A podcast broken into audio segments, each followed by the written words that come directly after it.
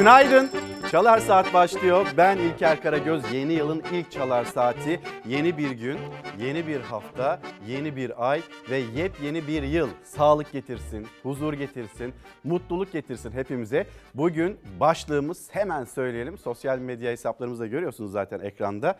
Yeni yılda Peki bu yeni yılda bizi neler neler bekliyor acaba? Biraz da bunu konuşmak istiyoruz sizinle. Bu başlık altında yeni yılda zamlar da geliyor. Yepyeni zamlar hayatımıza çoktan girdiler. Biz bir yandan böyle 2023'e adım atarak aslında Türkiye'nin seçim yılına da adım atmış olduk. Seçim yılında hangi polemikler geride kalan yıllar ve hatta geride kalan hafta hafta inanılmaz bir yoğunluk içindeydi. Peki önümüzdeki günler hangi gelişmelere gebe? Onu da konuşalım isteriz. Yeni yıl, yeni yıl beklentilerinizi bizlere iletin istiyoruz. Nereden bize günaydın diyorsanız ve gündeminizde ne varsa birlikte konuşarak çalar saati yine yapalım. Fotoğraf göndermek isterseniz de işte sosyal medyalarımız ve bu adreslere gelebilirsiniz. Bu adreslerden bizlere ulaşabilirsiniz. Şimdi Türkiye yeni yıla nasıl girdi? Onu konuşacağız bol bol ve en çok elbette ülkemizden, memleketimizden konuşacağız.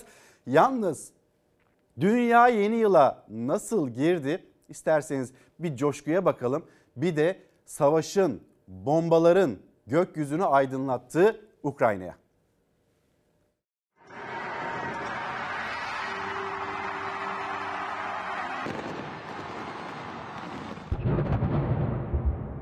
Dünya yeni yıla rengarenk havai fişek gösterileri, ışık dansları ve coşku seliyle adım atarken Ukrayna'da gökyüzünü aydınlatan yine Rusya'nın bombaları hava saldırılarıydı.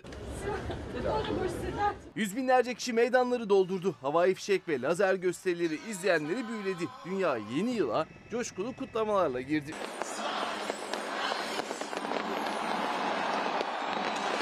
Dünyada 2023'ü ilk olarak Kiribati, Avustralya kıtası ve Uzak Doğu ülkeleri karşıladı. Daha sonra Orta Doğu ülkeleri yeni yıla merhaba dedi. Birleşik Arap Emirlikleri'nin Dubai şehrinde kutlamaların adresi dünyanın en yüksek binası olan Burj Halifa'ydı. Avrupa'da pandemi sonrası kısıtlamalar olmadan yapılan kutlamalara ilgi büyüktü. Almanya'nın başkenti Berlin'de tarihi Brandenburg kapısı önündeki konsere binlerce kişi katıldı. Fransızlar başkent Paris'te Şanzelize Caddesi'ne akın etti. Havai fişek gösterisiyle başlayan kutlamalar sabaha kadar sürdü. İngiltere'nin başkenti Londra'da yeni yıl için Big Ben Kulesi'nin çanları çaldı. Daha sonra havai fişek gösterisi başladı. Thames Nehri kıyısında toplanan vatandaşlar yeni yıl coşkusuna eşlik etti.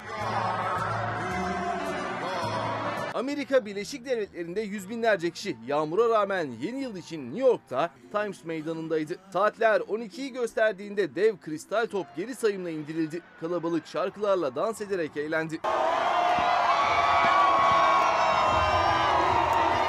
Brezilya'da yeni yıl kutlamalarının adresi değişmedi. Copacabana plajında 12 dakika süren havai fişek gösterisi düzenlendi. Bazı kişiler gösteri sırasında denize girerek vakit geçirdi.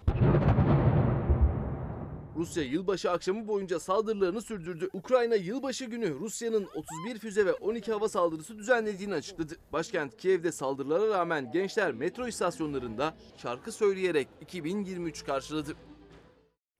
Yeni yılda diyerek bir izleyicimiz yazmış. Türkiye'min yılı olsun. Yeni güne, yeni haftaya, yeni aya, yeni yıla sağlık, huzur, mutluluk gelsin. Sonumuzda hayır olsun demiş. Bu mesajı paylaşmış bizimle. Berat Albayrak'tan bir alıntı yapmış. Böyle görevini bırakırken uzunca bir yazı yazmıştı. Allah sonumuzu hayır etsin demişti. Berat Albayrak görevden ayrılırken bakacağız yeni yıla böyle başlamak istemezdik ama zamlar var. Zamlarla başlıyoruz yeni yıla. Hem de kallavi zamlar, %100'ü aşan zamlar. Onları ekranlarınıza taşıyacağız. Serkan Bey günaydın. Siz iyi ki varsınız. Gelelim 2023'ün ilk pazartesi ve gazeteler, gazetelerin manşetlerine yansıyan haberler.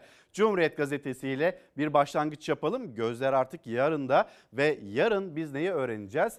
Enflasyon rakamlarını. Sonra memurun ve emeklinin zamlarını eğer refah payı verilmezse %17'lik %18'lik o zamlar memura ve emekliye yetecek mi diye hadi şimdiden sormuş olalım. Yeni yılda asgari ücrete %54'lük zam yapıldı. En azından %54'lük bir zam yapılsın ve en düşük emekli maaşı da 8500 lira seviyesine kadar gelebilsin. Seslenişleri var ve Türkiye'nin dört bir yanında meydanlarda emekliler bizim sesimizi duyun biz pazara çıkamıyoruz torunlarımızın yüzüne bakamaz hale geldik diyor. Memleket bu halde. Dünyanın nasıl yeni yıla girdiğini gördünüz. Bir de kendi ülkemizden memleketimizden yeni yıl manzaraları yeni yeni zamlar aktaracağız. AKP'nin yoksullaştırdığı milyonlarca yurttaş sıfır zamma kaldı. Emekçinin gözü enflasyonda. Açıkladığı verilerle tartışmalı hale gelen TÜİK Aralık ayı enflasyon rakamlarıyla milyonlarca yurttaşın maaşını belirleyecek. İlk 5 aylık enflasyon oranına göre %15 ile %20 arası zam verilecek memur ve memur emeklisi 2023 için %54.5'lik asgari ücret artışı kadar zam istiyor. İktidar her fırsatta çalışmaları enflasyona, çalışanları enflasyona ezdirmeyiz diye açıklama yapsa da ki siz enflasyona eziliyor musunuz, ezilmiyor musunuz? Lütfen onu da bize bir yazın. Bunlar siyaseten kurulan cümleler mi? Yani biz çalışanımızı asla enflasyona ezdirmeyiz. Onların refah seviyesini arttırırız biz denilirken acaba milyonlar ne durumda? Ee, Çalışma Bakanı Vedat Bilgin %54.5'lik isteği ne kamuoyunda saçma sapan tartışmalar var diyerek karşılık verdi. İşçi ve Bağkur emeklisi ise seyyanen zam istiyor. Vedat Bilgin'in bir de açlık hesabı var. Dünya Bankası'nın verilerinden aldığı bir açlık hesabı. O hesaba göre de bir kişinin geçinebilmesi için günde cebinde 40 lira 22 kuruş olması yeterli geçinmesi için, karnını doyurabilmesi için öyle söyleyelim. Peki 40 lira 22 kuruş ya da 2 dolar 15 sentin karşılığı olan Türk lirası ne ise bu yeter mi? Aşık rakamları öyle Dünya Bankası'nın hesabı ile ifade edilebilir mi bizim memleketimizde? Ona dair de mesajlarınız varsa da konuşalım isteriz sizlerle. Yeni yıl, yeni zamlar buyurun ekranlarınızda. Her yeni yıl yeni zamlarla gelir. Bu yıl da öyle. Korkunç, korkunç. Yani az bir zamlar olsa neyse o vergilere falan gelen yüzde altmış zamlar nedir o ya? Diğer vergiler %122,93.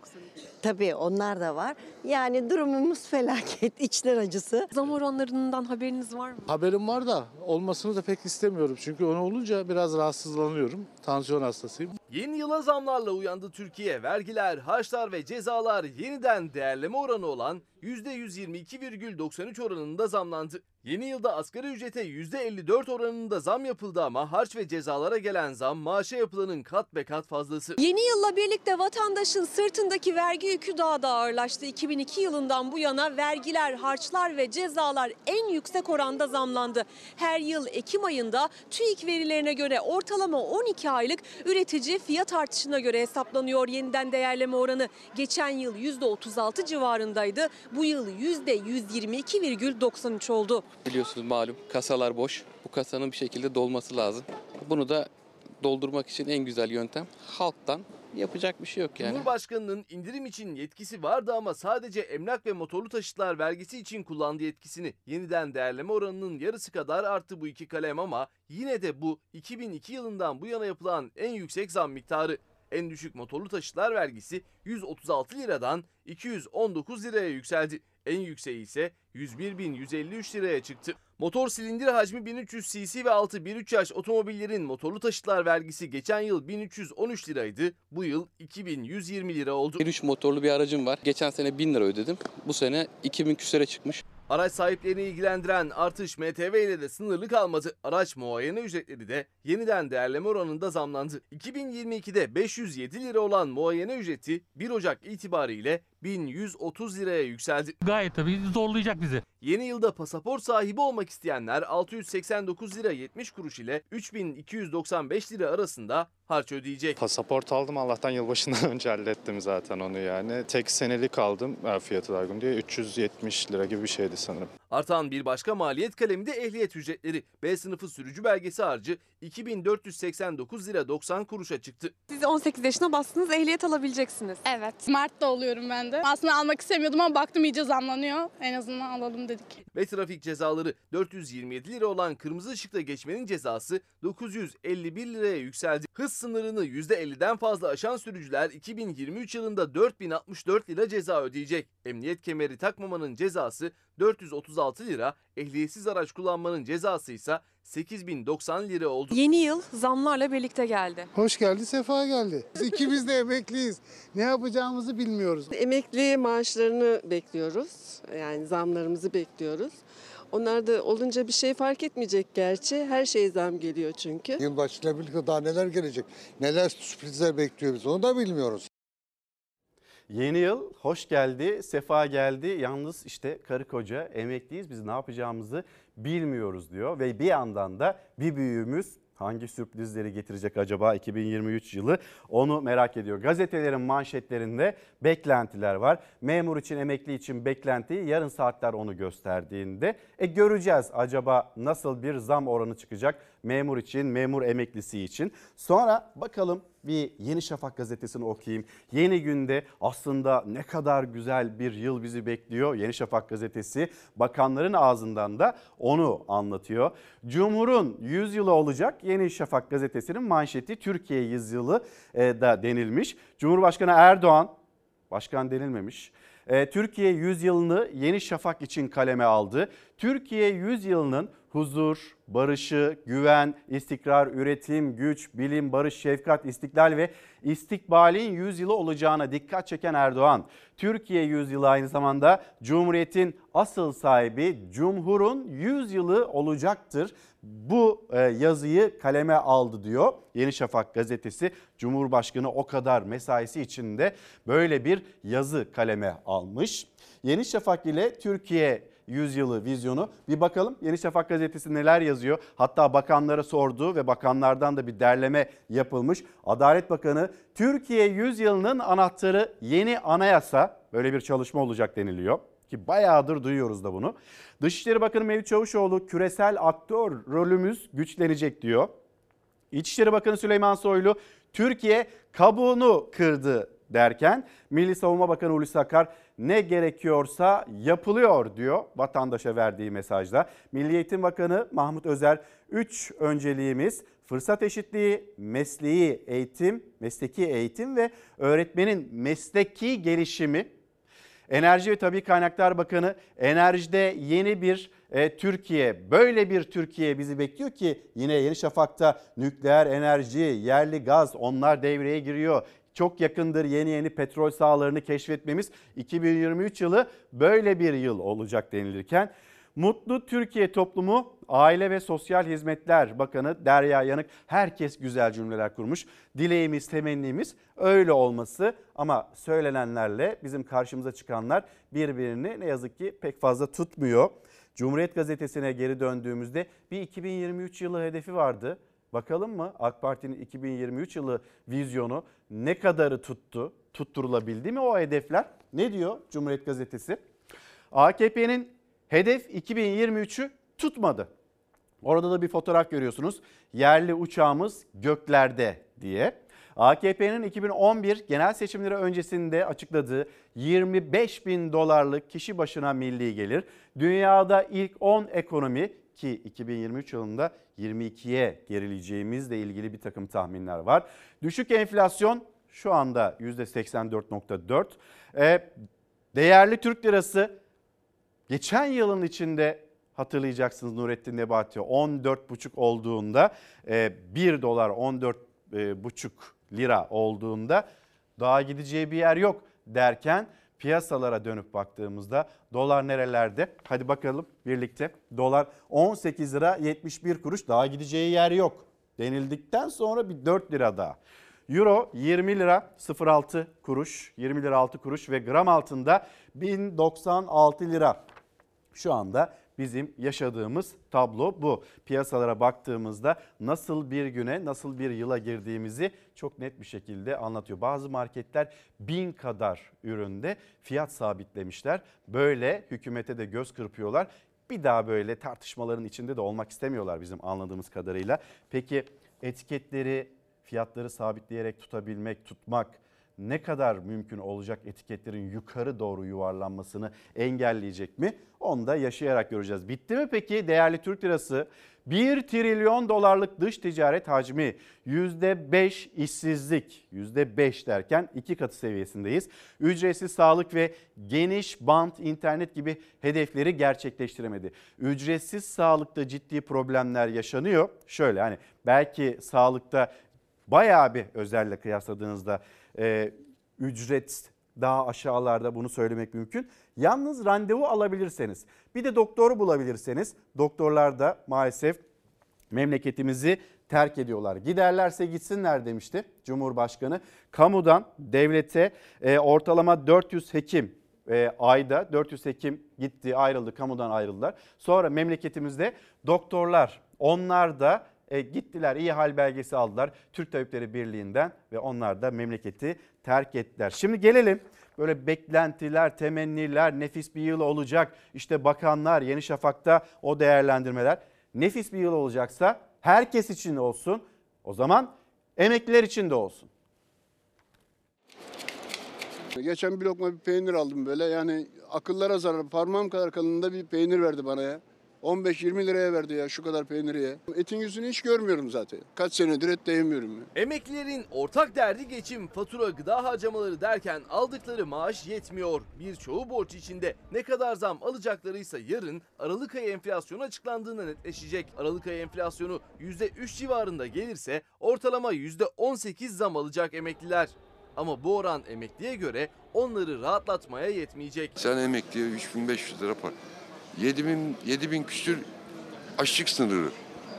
E 3500 lira. Bu adam demek ki açlık sınırının sınırının sınırının sınırının altında yaşıyor ya. Parayı alıyor, kirayı kiraya bile yetmez o paraya. %18'lik zam istemiyoruz. Ben emekliyim. Aldığım maaş 4800 lira. Markete gidiyorum 1000 liraya e, 3-4 kilo ürün alamıyorum. Emeklinin talebi maaşlarının asgari ücrete yapılan zam kadar yani %54 artması aslında. Ama bu mümkün görünmüyor. Çünkü emeklinin yeni yılda maaşı son 6 ayın enflasyonuna göre artacak. 5 aylık enflasyon %14,05. Aralık ayının enflasyon hesaba katıldığında bu oranın %18 civarında olması bekleniyor. Ben istedim ki tüm çalışanlar, emekliler ve insanlar aynı eşit hakka sahip olsun. Ay sonu maaş alıyorum. Bir hafta, bir hafta sonra bitiyor.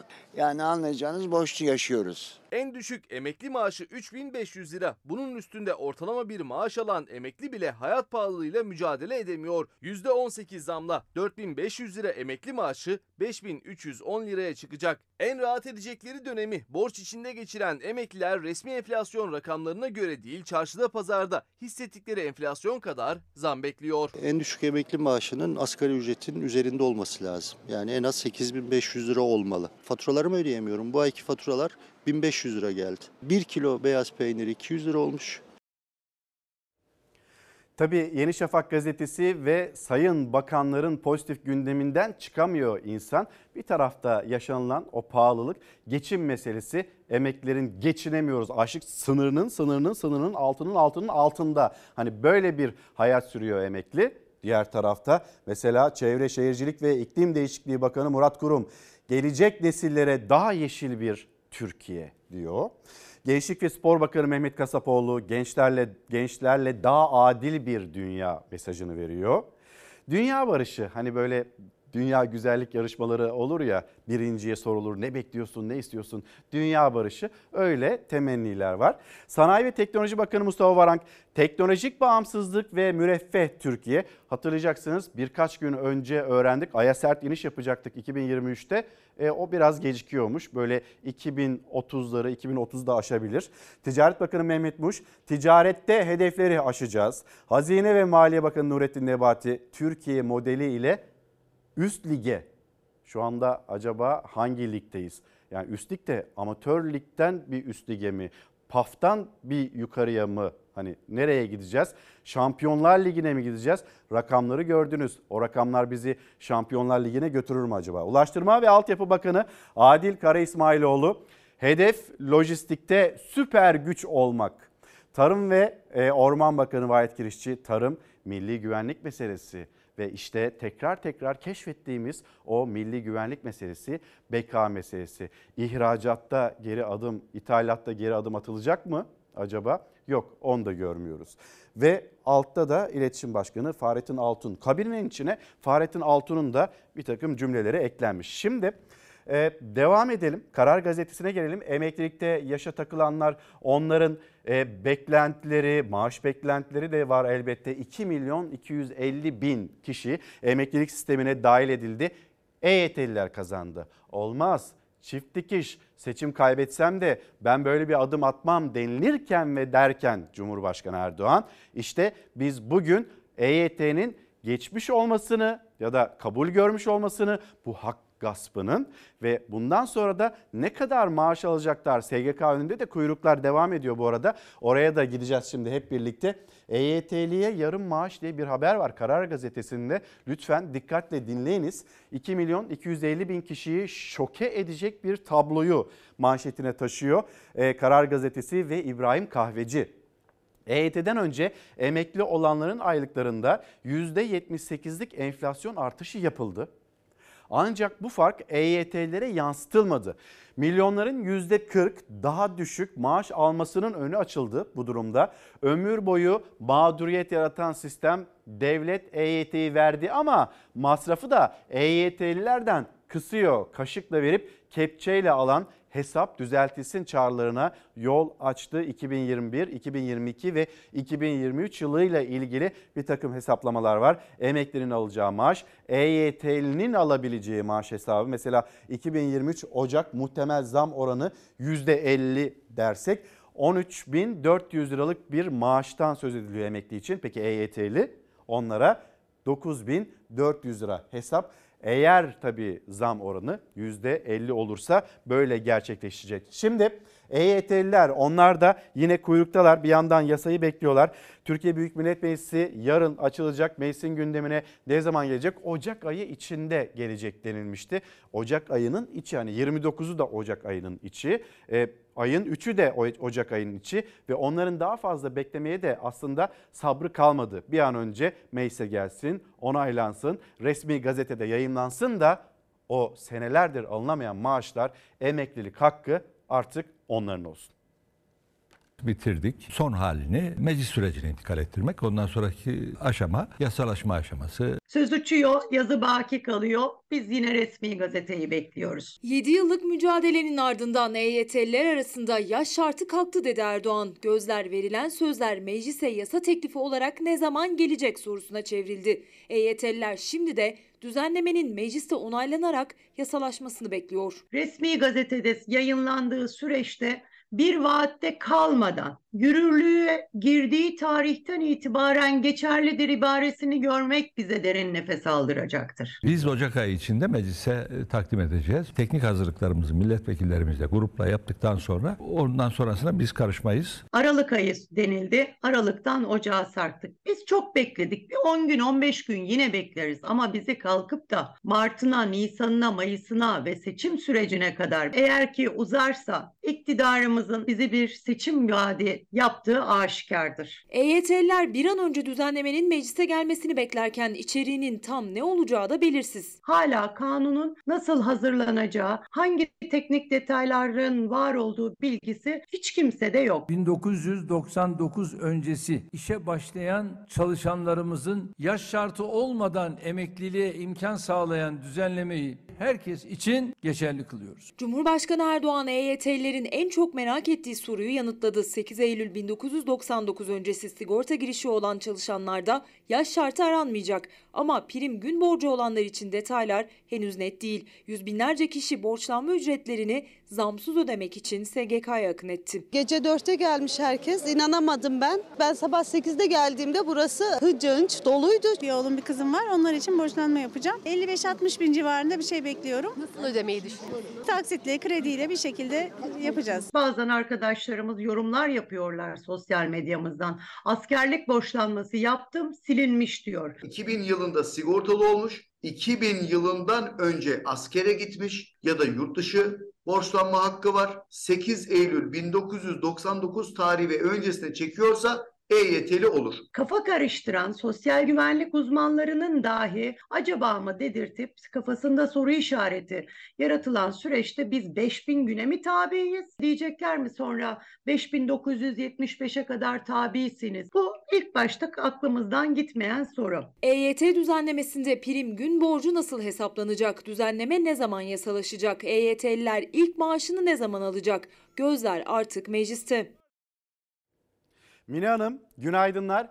Kuzey Kıbrıs Türk Cumhuriyeti'ne sizin aracılığınızla günaydın diyelim. Yeni yılınız kutlu olsun Fox ailesi mesajını paylaşmış. Yeni yıl sizlere güzel haberler getirsin ki sizler de bizlere aktarın.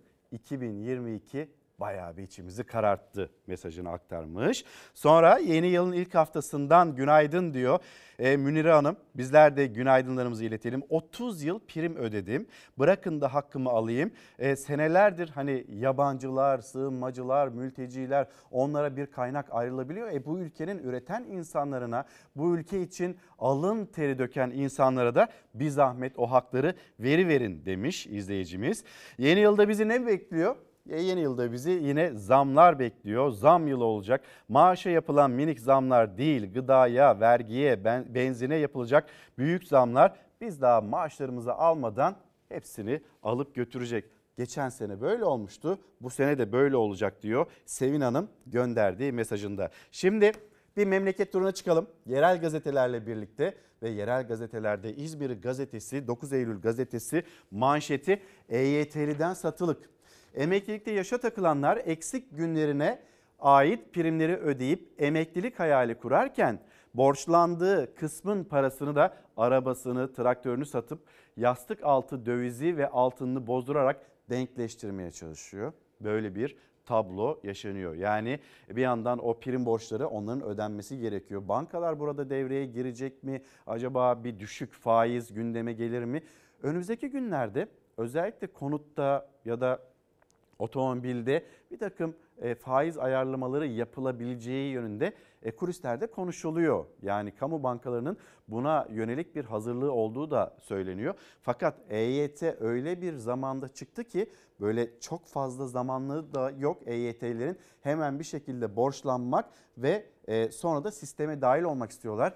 Borçlanmak için de eğer kredileri varsa belli ki e, ellerinde ne varsa arabalarını, traktörlerini satıp böyle bir yola giriyorlar. Fırat, Elazığ Fırat gazetesi bakalım. Ekonomik kriz yıkıma başladı. Ekonominin tablosu can yakmaya, vatandaşı çaresizliğe sürüklemeye devam ediyor. Ekonomik kriz koşullarına koşullarında varlıklarını sürdüremeyen işletmeler bir bir kepenk indiriyor.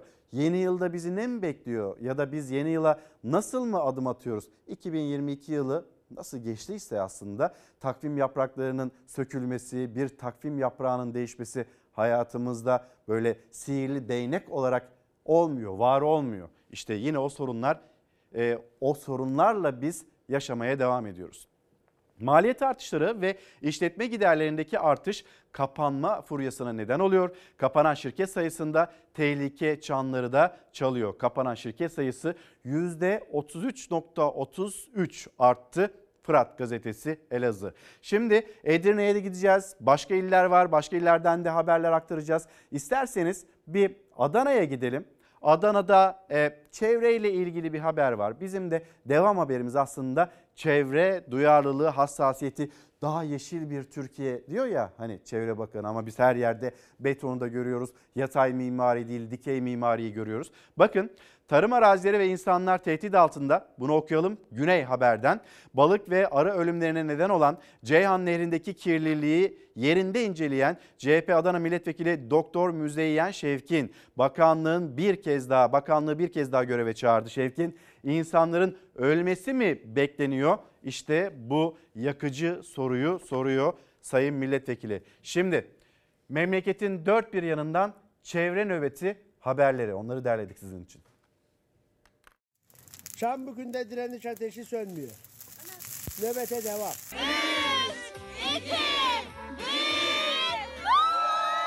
Ormanlarına, zeytin ağaçlarına, yemyeşil meralarına sahip çıktılar. Yıl boyunca devam etti mücadeleleri. Çevre gönüllüleri Muğla Akbelen, Amasya Taşova Çambükü Köyü ve Rize İkizdere'de 2023'te de betona karşı çevre nöbetine devam dedi.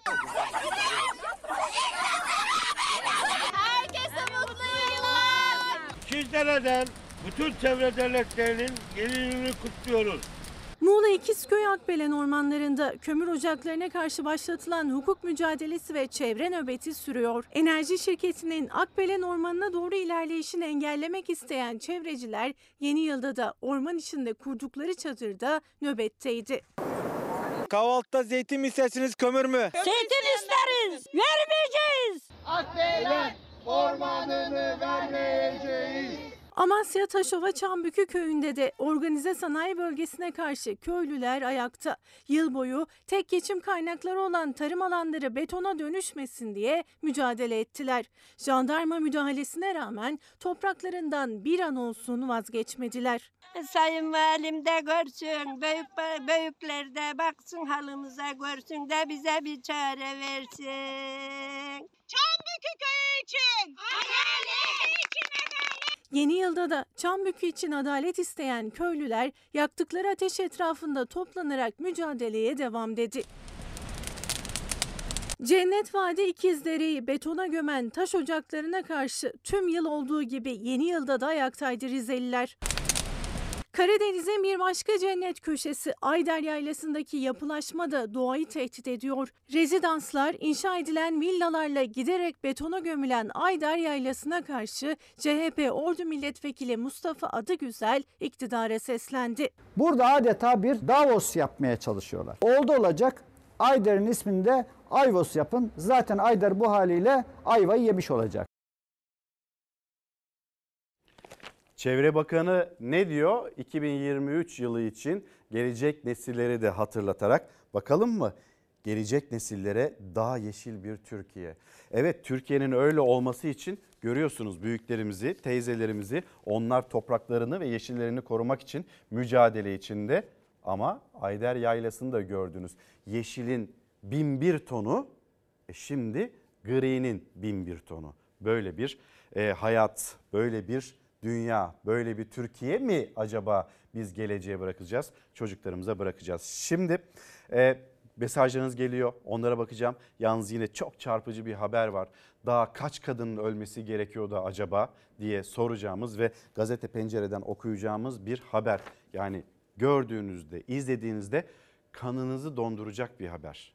Maalesef işte 2 Ocak 2023 tarihinde bu haberi paylaşıyoruz sizinle. Her 20 yılda bir cinayet fırsatı, kampanya gibi. Kadınlara yönelik şiddetin e, cezasızlığı can yakıcı bir örnekle gözler önüne serildi. Manisa'da yaşayan 58 yaşındaki Necati Akpınar tam 40 yıl önce 83'te karısını bıçakla öldürdü, cezaevine girdi. Cezaevinde çok uzun kalmadı. Tahliye oldu, evlendi. İkinci eşini de 2003 yılında ütüyle öldürdü. Yeniden cezaevine girdi. İki yıl önce Covid-19 tedbirleri çerçevesinde şartlı tahliye oldu. Bu kez de birlikte olduğu kadını kafasına sert bir cisimle vurarak öldürdü. Necati Akpınar ihbar üzerine cesedi bulan polislere suçunu itiraf etti ve tekrar cezaevine gönderildi. 58 yaşında 3 cinayet işledi ve her 20 yıla denk gelen bir cinayet silsilesi. Peki bu kişi nasıl dışarı çıkabiliyor? Yani mahkeme karşısında ne söylüyor? Nasıl davranıyor da bir indirim mi yapılıyor? İnsanları öldürüyor. 20 yılda bir hiç de sektirmeden kadınları öldürüyor, cinayet işliyor ve hala aramızda olabiliyor. Aramızda yaşayabiliyor. Ve işte üçüncü cinayet. Birlikte yaşadığı kadını öldürdü, sonra da talihsiz kadının cansız bedenini metruk bir binanın girişine gömdü. 65 yaşındaki cani adamın ilk cinayeti de değildi bu. Daha öncesinde de ilk eşini bıçaklayarak öldürdüğü, cezaevinden tahliye olduktan sonra da ikinci eşini katlettiği ortaya çıktı. Üçüncü cinayetten sonra yine tutuklandı. Bu adam bu cinayeti işlemiş ve de gömmüşler. Kızı korktuğundan dolayı gidiyor karakola ifade veriyor. Babam böyle böyle bir olay yaptı, böyle böyle bir cinayet işledi ve götürdük gömdük diyor. Zaten kamera kayıtlarında el arabasıyla götürülüp defne ettikleri falan kameralarda hepsi mevcut. Manisa'nın Saruhanlı ilçesinde yaşanan kadın cinayeti göz göre göre geldi aslında. Necati Akpınar ilk eşi Emine Ağa'yı katlederek cezaevine girdi yıllar önce. Tahliye oldu, yine evlendi. Bu kez de 2003 yılında ikinci eşi Fatma Ağa'ya aynı acı kaderi yaşattı. Katil koca ikinci kez tutuklandı. İki yıl önce Covid-19 tedbirleri kapsamında şartlı tahliye edildi. Bu adam bir kere cinayet işlemiş. İlk kere cinayet işlemiş. Bu üçüncüsü olmuş. Yani bu tip adamların dışarıda bırakılması hiç hoş değil. Demek ki bu adam dışarıda olsaydı 3 değil, 4 değil, 5 değil tekerrür eder dururdu. Necati Akpınar Mutlu M ile birlikte yaşamaya başladı. Onu da öldürüp bir evin önüne gömdü. Her tahliyesi sonrası bir cinayet işleyen Necati Akpınar tutuklandı. Hak ettiği cezayı çekip bu kadar kolay tahliye edilmeseydi belki de tüm bunlar yaşanmayacaktı. E bu tür insanlar dışarıda olursa kimsenin eşi, dostu güvenli değil. Benzer bir olayda Bursa'da yaşandı. Cezaevinden yeni çıkan 21 yaşındaki M.E. ailesi tarafından dini nikahla evlendirilen 17 yaşındaki kadını başından, annesini ise bacağından vurdu. Saldırgan gözaltına alındı. Bir söz söylersiniz, sosyal medyada bir paylaşım yaparsınız. Sonra gel bakalım derler. İçeri girersiniz kaç yılla yargılanacağınızı kestiremezsiniz. Ama bir de böyle bir durum var. 20 yılda bir cinayet işleyen kişi rahatça dışarı çıkabiliyor. İlk cinayetini işlemiş çıkmış dışarıya bir cinayet daha. O cinayeti işlemiş çıkmış dışarıya bir cinayet daha. Ve toplumun vicdanı nasıl kanıyor? Kadınlar ses yükseltiyor. İstanbul Sözleşmesi'ni sürekli ama sürekli hatırlatıyorlar. Ama işte kadınları yaşatmayan bir sistem, düzen içinde miyiz diye onların isyan seslerine de tanıklık ediyoruz. 2022 böyle geçti. 2021'de, 2020'de, önceki yıllarda, 2023 o öyle geçmesin. Zaten bütün isteğimiz de temennimiz de bu. Şanlıurfa'ya götüreceğiz sizi. Maalesef acı bir haberi paylaşacağız. Bir aile maalesef bir aile yaşanan kazada yok oldu. Akrabalarının düğününe gitmek için yola çıkmışlardı. Bir anne, bir baba, bir çocuk. Trafik kazası geçiren aileden kimse yaşama tutunamadı. Şanlıurfa'nın Birecik ilçesine doğru yoldaydılar. Yukarı İncirli mahallesinde Başak Bozkurt kontrolündeki araç başka bir otomobille kafa kafaya çarpıştı. Araçta Başak Bozkurt, eşi Eyüp Bozkurt ve kızları Ayşenur Bozkurt vardı. Çift kaza yerinde hayatını kaybederken ağır yaralı hastaneye kaldırılan 4 yaşındaki Ayşenur Bozkurt da yapılan müdahaleye rağmen yaşamını yitirdi. 27 yaşındaki Başak Bozkurt'un hamile olduğu kaydedildi. Ailenin yakınları kahreden haberle yasa boğuldu. Ekipler kazayla ilgili inceleme başlattı.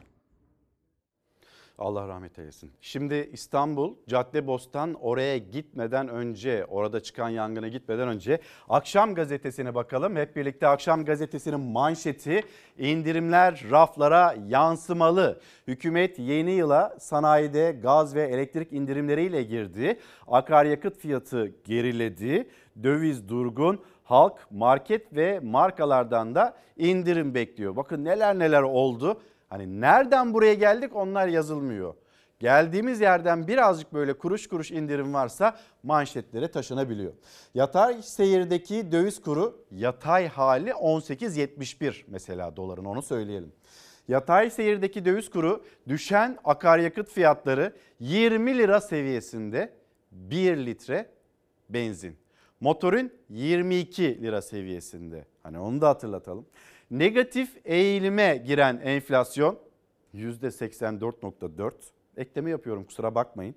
Enerji kalemlerindeki indirimler üretimdeki yükü azalttı. Bu arada İstanbul'da %12'lik bir indirim var.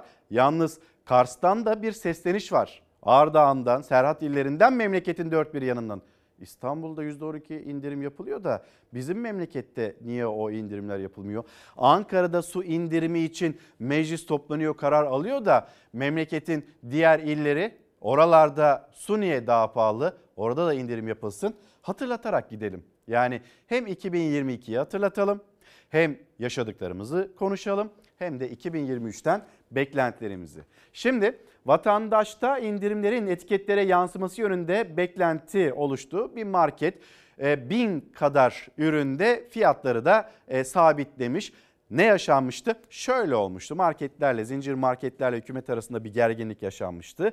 E, perakendeciler hani o derneğin başındaki kişi ya bizimle ne alakası var? Biz miyiz bu pahalılığın sorumlusu deyince daha da büyüdü o tartışma. Sonra Cumhurbaşkanı onun açıklamaları böyle tansiyonu biraz düşürdü. Sonra Ticaret Bakanı marketleri, zincir marketleri yöneticilerini topladı ve o marketlerden birisi de bir adım attı. Etiketleri %20'lik enflasyona bilemediniz %30'luk enflasyona göre ayarlayın o fiyatları. Cumhurbaşkanının telkini bu yöndeydi. İndirimler raflara yansımalı. Bakın neler neler oldu çünkü. Sanayide gaz, elektrik indirimleri oldu. Akaryakıt fiyatları geriledi. Döviz de zaten durgun. Siz neye neden acaba zam yapıyorsunuz diye akşam gazetesi de manşetten soruyor. Gelelim İstanbul Caddebostan ve çıkan yangın, tekne yangınları. Yat limanında yangın çıktı. Bir teknede yükselen alevler 5 tekneye daha sıçradı. İstanbul Caddebostan Marina'dan saat 5 sularında yükseldi dumanlar. Elektrik kontağından çıktığı tahmin edilen kıvılcımlar önce bir tekneyi sardı. Yangın hızla büyüdü. Komşu teknelere de sıçradı alevler. 5 tekne daha alevlere teslim oldu. Yangın itfaiye ekiplerinin müdahalesiyle söndürüldü ancak 6 tekne kullanılamaz hale geldi. Şimdi yangının neden çıktığı araştırılıyor. İzmir'de yaşanan cinayet gibi bir iş kazası, bir facia ve bu kazanın da göz göre göre geldiğine tanık olduk. Biz bunu da öğrenmiş olduk. O habere gitmeden önce akşam gazetesinde seçtiğimiz bir haber daha var. Enerjide atılım yılı haberinden sonra Tamam hadi bunu verelim konuşalım. O kadar güzel bir yıl olacak ki enerjide de inanılmaz atılımlar olacak. Karadeniz gazı Mart'ta sisteme girecek bir kere bunu unutmayın. E, Trakya Avrupa için enerji üssü olacak. Tuz Gölü'nde 5.4 milyar metreküp gaz depolanacak.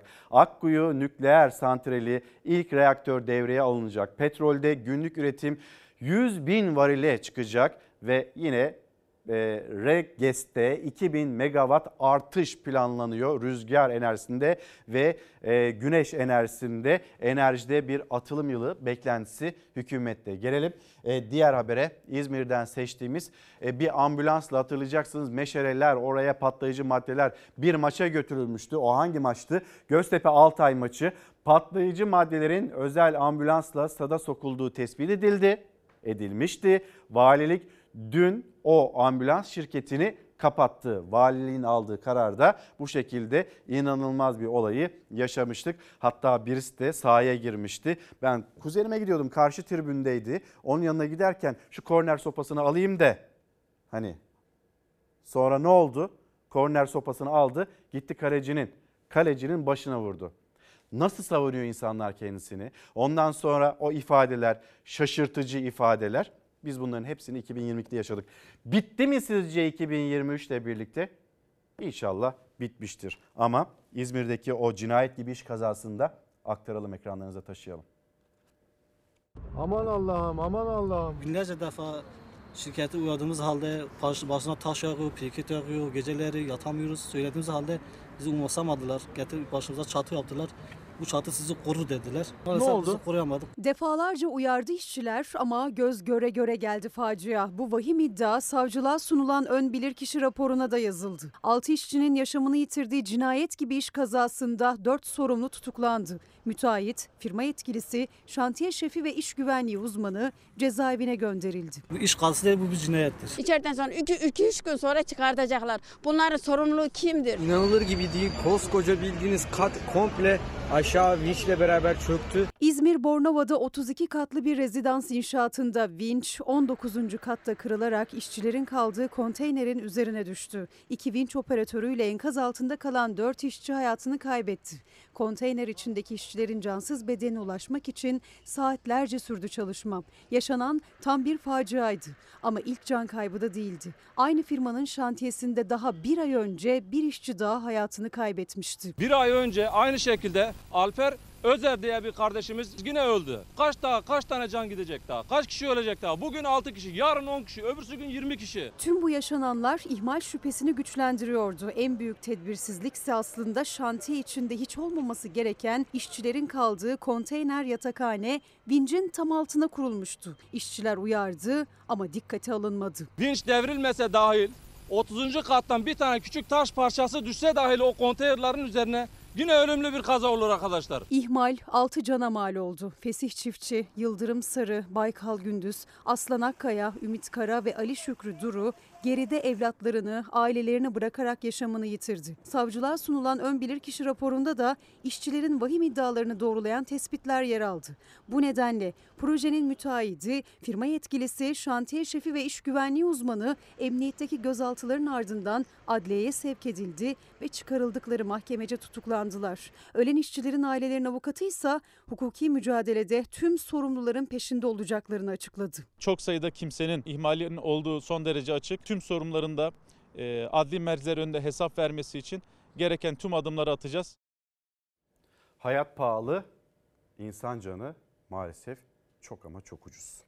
Ee, bir izleyicimiz yazmış emekliye düşünülen zam hesaplanırken son 6 ay değerleri alınıyor ve %18'lik bir zam düşünülüyor. Ama Ocak ayı işte girdik Ocak ayına %122'lik zamlarla vergilere, haçlara, cezalara gelen o zamlarla girdik biz e, yeni yıla. Bu durumda nasıl olacak da 6 ay üzerinden bir hesaplama yapılıyor? Asgari ücrete %54'lük zam verilirken neden acaba emekler içinde refah payı ile birlikte o %50 ve üzerinde bir maaş düşünülmez ya da verilmez diye bir mesaj aktarılıyor. Sonra bir izleyicimiz bakayım isminizi de görmeye çalışayım. Sinem Hanım, Sinem Aydın selamlar. Sil baştan başlamak gerek bazen diyor şarkıdaki gibi. Şimdi şöyle yapalım bir toparlama yapalım. Bugün neleri konuşacağız ve yeni yılda acaba neleri konuşacağız? Bugün başlığımız yeni yılda bizleri neler bekliyor? Hani onu düşünerek Sizler de beklentilerinizi yazabilirsiniz. Türkiye için 2023 yılı bir kere seçim yılı ve artık o seçim yılına ayak bastık. Seçimin tarihi ne olacak konuşacağız.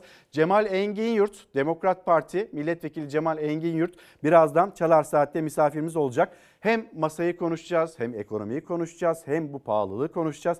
Pek çok konu ve özlük hakları ile ilgili, kendi hayatlarıyla ilgili beklenti içinde olan yine milyonlar var. Hepsini birlikte Çalar Saat'te değerlendireceğiz. Ahmak davasında çarpıcı iddialar. Ee, Ekrem İmamoğlu'na siyasi yasak onaylanacak mı? Bugün Cumhuriyet Gazetesi'nde Barış Terkoğlu'nun dikkat çeken bir haberi var. Onu aktaracağız sizlere. Yeni yılda emekli maaşı ne olur ne olmaz değerlendireceğiz. İTO İstanbul Ticaret Odası İstanbul'un enflasyonunu açıkladı. Evet geriledi enflasyon İstanbul'da ama geriledi geriledi %92'ye kadar ancak gerileyebildi. İsterseniz en başa seçim demiştik. Hep birlikte seçimle ilgili, senaryolarıyla ilgili, tarihiyle ilgili bir haberimiz var. Paylaşalım sizinle.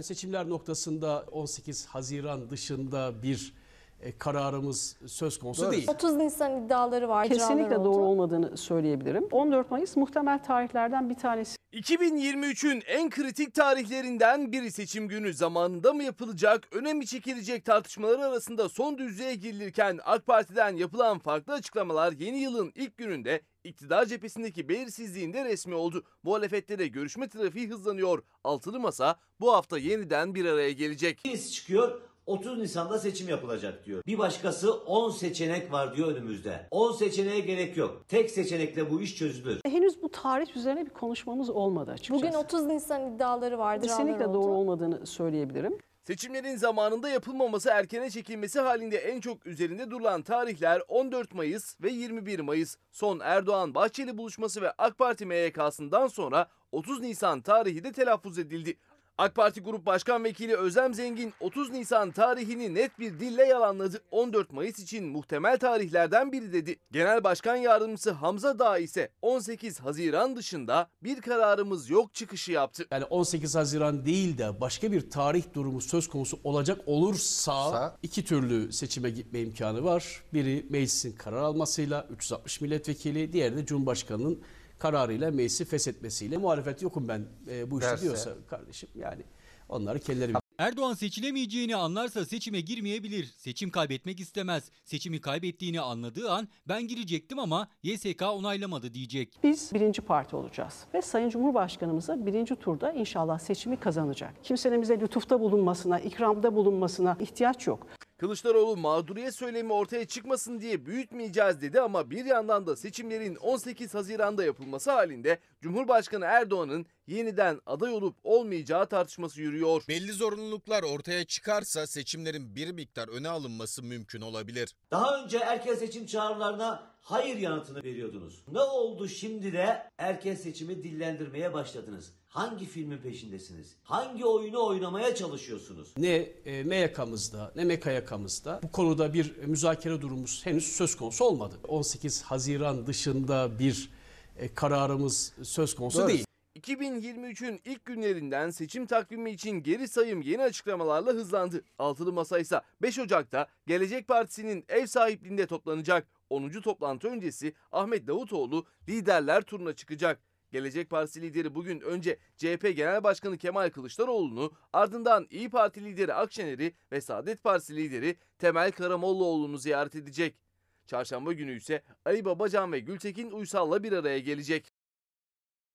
5 Ocak buluşması altılı masa için önemli ve burada da hükümet programı üzerinde konuşulduktan sonra bir mutabakata varıldıktan sonra süreç artık altılı masa için adaylık noktasında ilerleyecek. Biz kral aramıyoruz. Kurallara uyacak bir cumhurbaşkanı arıyoruz ve bizim kararımız, mutabakatımız bu yönde ortak bir aday arayışı içinde altılı masa ve biz Ocak ayının sonunda belki Şubat'ın başında onu öğrenmiş olacağız. O ismin kim olduğunu. Peki seçim ne zaman olacak? Ee, 16 Nisan mı? 30 Nisan mı? 14 Mayıs mı? 21 Mayıs mı? Yoksa zamanında mı? 6 Nisan'ın önünde Cumhur İttifakı böyle bir seçime gitmeye e, yanaşmıyor. Sonuçta bir düzenleme yapıldı. Yeni seçim kanunu, yeni seçim kanunu devreye girmeden de e, Cumhur İttifakı seçime gitmeyi e, düşünmüyor. Sandığa, seçmeni sandığa çağırmayı da düşürmüyor. Zafer Bey günaydın. Diyor ki Instagram'dan yazmış. 2023 yılına ilk defa girdim. Bizim için de e, yeni bir yıl. Zafer Bey selamlarımızı iletelim. E, bindirimler etiketlere yansıdı. İndirim olacağına inanmıyorum. Bunlar daha iyi günlerimiz. Memur e, emeklileri olarak içimiz acıyor. Biz ne yapacağız acaba? Yeni yılda geçinebilecek miyiz sorusunu soruyor Zafer Bey. 2023 yılına ilk kez girerken şaşkınlığını anlatıyor. Şimdi devam edelim. Milliyet gazetesi peki kim ne bekliyor? Milliyet gazetesinin manşetini de aktaralım sizlere ve yavaş yavaş diğer haberlerimizi de ekranlarınıza taşıyacağız. Ipsos'un aralarında Türkiye'nin de bulunduğu 36 ülkede gerçekleştirdiği ankete katılanlar küresel tartışmalarla ilgili beklentilerini ortaya koymuşlar. Covid-19'dan dolayı ülkelerde bir daha kapanma yaşanmayacağı görüşü ortalama %60 yani 10 kişiden dünyada 6'sı bir daha kapanmayız derken hiç de az değil 10 kişiden 4'ü de kapanabiliriz endişesini yaşıyor. Ki bugün Hürriyet gazetesinde dikkat çeken bir haber var onu da okuyalım sizlere.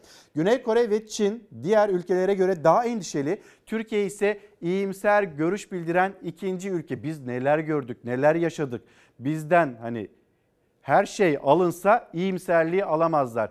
Geride kalıyor. 2022 kolay geçmedi ama biz bütün umutlarımızı 2023'e, yeni yıla, yeni günlere, yeni haftalara taşıyabildik. Bizimle kimse yarışamaz. Her 4 kişiden 3'ü kapanma yaşanmayacağı görüşünde. Araştırmaya göre daha çok kişi sanal dünyada hayatlarını geçirecek diyen ülkelerin ortalaması %56. Bu oran Japonya'da %25'e geriliyor. Türkiye'de ise bu görüşe katılanların oranı %72'ye kadar çıkıyor. 4 günlük çalışma bize uyar mı? Hani 4 gün çalışalım, 3 günde izin yapalım. Yeni yılda böyle bir planlama içinde olan şirketler var. Onları duyurduk, haberleştirdik. Belki sizler de takip etmişsinizdir. Genel itibariyle bu başarılabilir mi? Yok, o bize uymaz deniliyor. Ee, yaklaşımda bu şekilde. Gelelim e, Türk Gün gazetesine. Türk Gün gazetesinde de Milli Savunma Bakanı Hulusi Akar'ın cümleleri var. Yanlış hesap Ankara'dan döner. Hulusi Akar Yunanistan'a seslendi. Yunanistan'ı uyardı. İşte o sözler. Yunanistan meselesi var. Bu Yunanistan bizim tüm böyle dostane barış elini uzatmamıza rağmen sürekli gerilimi arttırıcı, sürekli efendim, bir şekilde e, provokatif eylemlerini ve söylemlerini sürdürmekte ısrar ediyor. Ve yeni yeni kavramlar çıkarıyorlar. Efendim işte yayılmacı diyorlar. Efendim yeni Osmanlıcı diyorlar. Bir de en son bir de revizyonist politikalar. Anlaşılmaz şeyler. Arkadaşlarım bunlar sadece ve sadece uluslararası ortamda kafayı karıştırmak için, insanların kafasını anlamasını zorlaştırmak için ortaya atılmış şeyler. Bizim Türkiye Cumhuriyeti Devleti'nin politikası çok şeffaf, çok açık. Çok açık, çok net. Biz uluslararası hukuk diyoruz, meşru müdafaa diyoruz. Kendi haklarımız diyoruz. Kıbrıslı kardeşlerimiz hakları diyoruz. Ve bunu hala görmekte ısrar ediyorlar. Utanmadan, sıkılmadan 10 kilometre karelik Meis Adası'na 40 bin kilometre karelik deniz yetki alanı istiyorlar. Yani bu kadar evet, adaları silahlandırıyorlar. Bunları okuyun arkadaşlar. Görün, takip edin. Ada, niye adaları silahlandırıyorsunuz? Efendim bizce tehdit. E peki anlaşmada böyle değil. Hep biz bütün bunlara karşı arkadaşlarım büyük bir ciddiyetle, büyük bir samimiyetle, büyük bir dikkat ve hassasiyetle özellikle hava kuvvetlerimiz ve deniz kuvvetlerimiz ve tabii ki kara kuvvetlerimiz arkadaşlarım e, bu konuda e, teyakkuz durumunda faaliyetlerini sürdürüyorlar. Ve biz diyoruz ki arkadaşlarım e, bugüne kadar herhangi bir oldu diye müsaade etmedik, bunu etmeyiz. Bunu bilin. Bunu bilin diyoruz. Şartlar ne olursa olsun. Ve diyoruz ki yanlış hesap Ankara'dan döner. Şimdi Yunanistan'a bu sert mesajlar gitti. Karar gazetesinde yer alan bir haber. Peki acaba Türkiye bir gece ansızın gelebiliriz diyordu.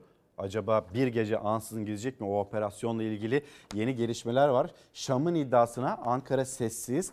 Ankara ile Şam'ın 11 yıl sonra bakan düzeyinde masaya oturduğu üçlü görüşmenin ardından Suriye basınında Türk Silahlı Kuvvetleri'nin çekilmesi konusunda mutabakata varıldığı iddiası ileri sürüldü. Peki bu konuyla ilgili Ankara'dan bir açıklama geldi mi? Dikkat çeken iddiaya dönük net ifade kullanmayan Dışişleri Bakanı Çavuşoğlu ise Suriye'nin toprak bütünlüğüne desteği tekrarladı. İstikrar vurgusu yaptı Çavuşoğlu. Rus mevkidaşıyla bir sonraki toplantının bu ayın ikinci yarısında yapılması için ortak anlayış geliştirdiklerini de kaydetti. Yunanistan'a uyarılar giderken acaba Ankara-Şam hattında neler oluyor? Ankara'nın sessizliği Karar Gazetesi'nin manşetinde ilk sayfasında. Şimdi gelelim ee, bir Sözcü gazetesine gitmeden Milliyet gazetesinde bir haber daha var. Onu tamamlayalım. Yönetmenimizden Savaş'tan ben bir rica edeyim. Çünkü bu hayatın içinde olabiliyor. Patronlar da e, çalışanları sorumlu tutuyor. Bir okuyalım haberi. Halı sahada sakatlanmak iş kazası. Bir işçi işverenin talimatıyla şirket çalışanları tarafından kurulan futbol takımının halı saha maçında sakatlandı. Yani o da işe dahil aslında. Yani birlikte ekip olarak buluşulmuş. Patron da takımı kurmuş. Sen forvetsin, sen defanssın. Ondan sonra bir sorumluluktan kaçamaz patron. Yargıtay olayın iş kazası olduğuna hükmetti. Kararda bir işverene bağlı olarak çalışan sigortalının görevli olarak iş yeri dışında başka bir yere gönderilmesi nedeniyle asıl işini yapmaksızın geçen zamanlarda meydana gelen kazanın iş kazası olduğunu vurguladı. Yine iş sahası içinde kabulü var Yargıtay tarafından aklınızda olsun. Sözcü gazetesi yeni yılda derken bebeklerimiz çocuklarımız yeni yıla acaba nasıl gözlerini açtılar? Dünyaya gelen bebeklerimiz nereye geldim ben? İşte soru bu. 2023'ün ilk bebeğinin bakışları böyle sorar gibiydi. Söyleyelim sana bebeğim nereye geldiğini. Enflasyonun %84.4 olduğu bir ülkeye geldin mesela. Doların yatay seyirdeymiş öyle diyor akşam gazetesi. 18 lira 70 kuruş ile rekor kırdığı bir ülkeye geldin.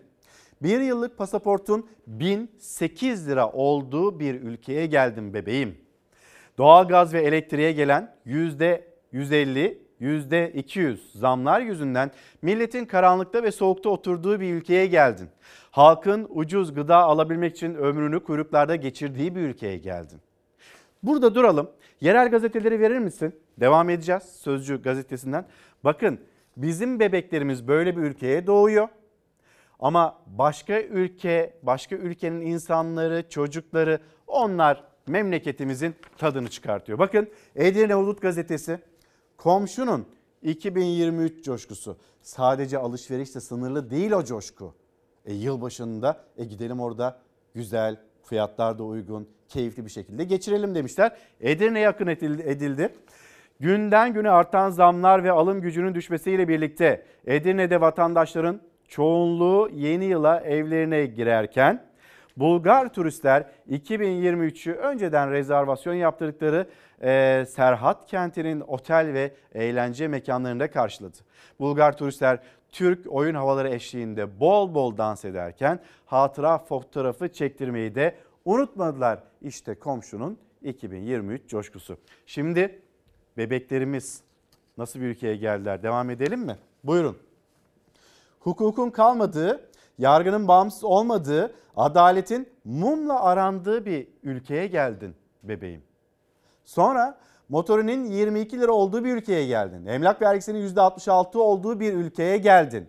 Araba ve konut almanın hayal olduğu bir ülkeye geldin. Bu arada yeni düzenlemeler de yapılıyormuş. Sıfır otomobilde aklınızda olsun. Düşünceniz varsa %4'ü bulan bir zam acaba e, sıfır otomobillere gelecek mi gelmeyecek mi? Otomotiv dünyasında bu konuşuluyor.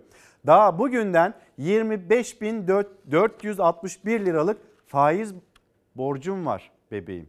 Doğdun ama daha şimdiden 25,5 bin lira borçlusun bebeğim.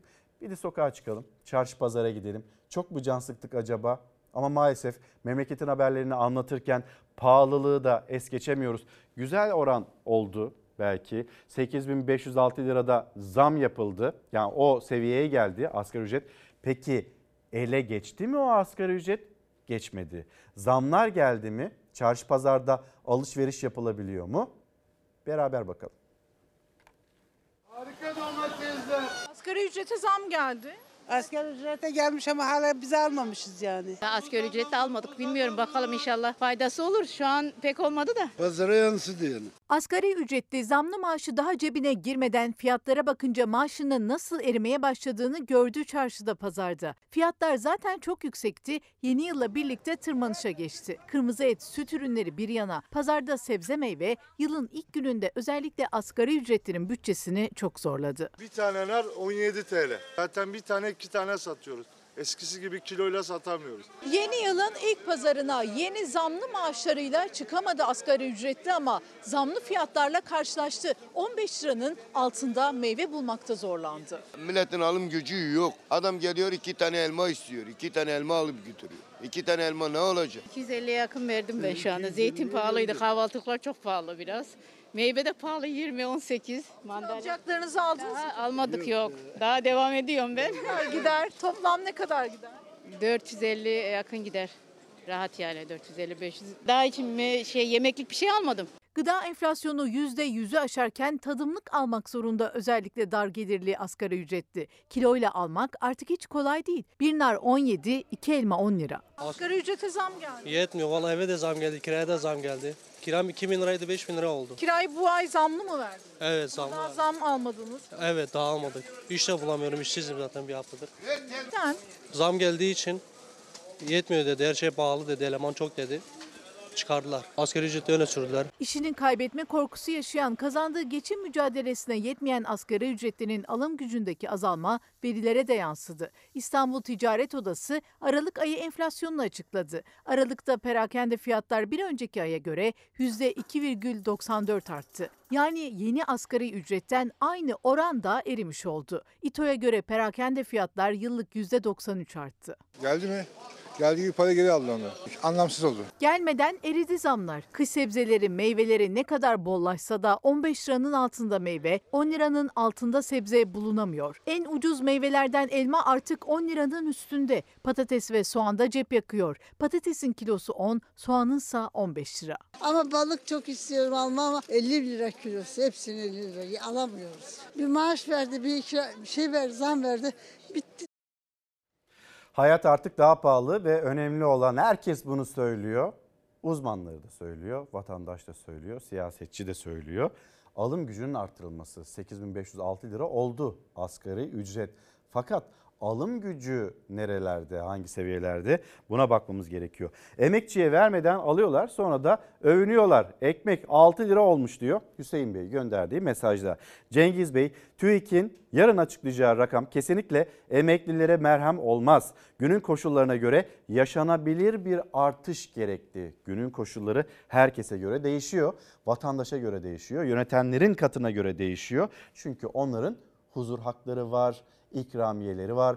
E biz bunlarla bu rakamlar beni çok incitmiyor yani ben geçinebiliyorum diyen yöneten bir kesim var.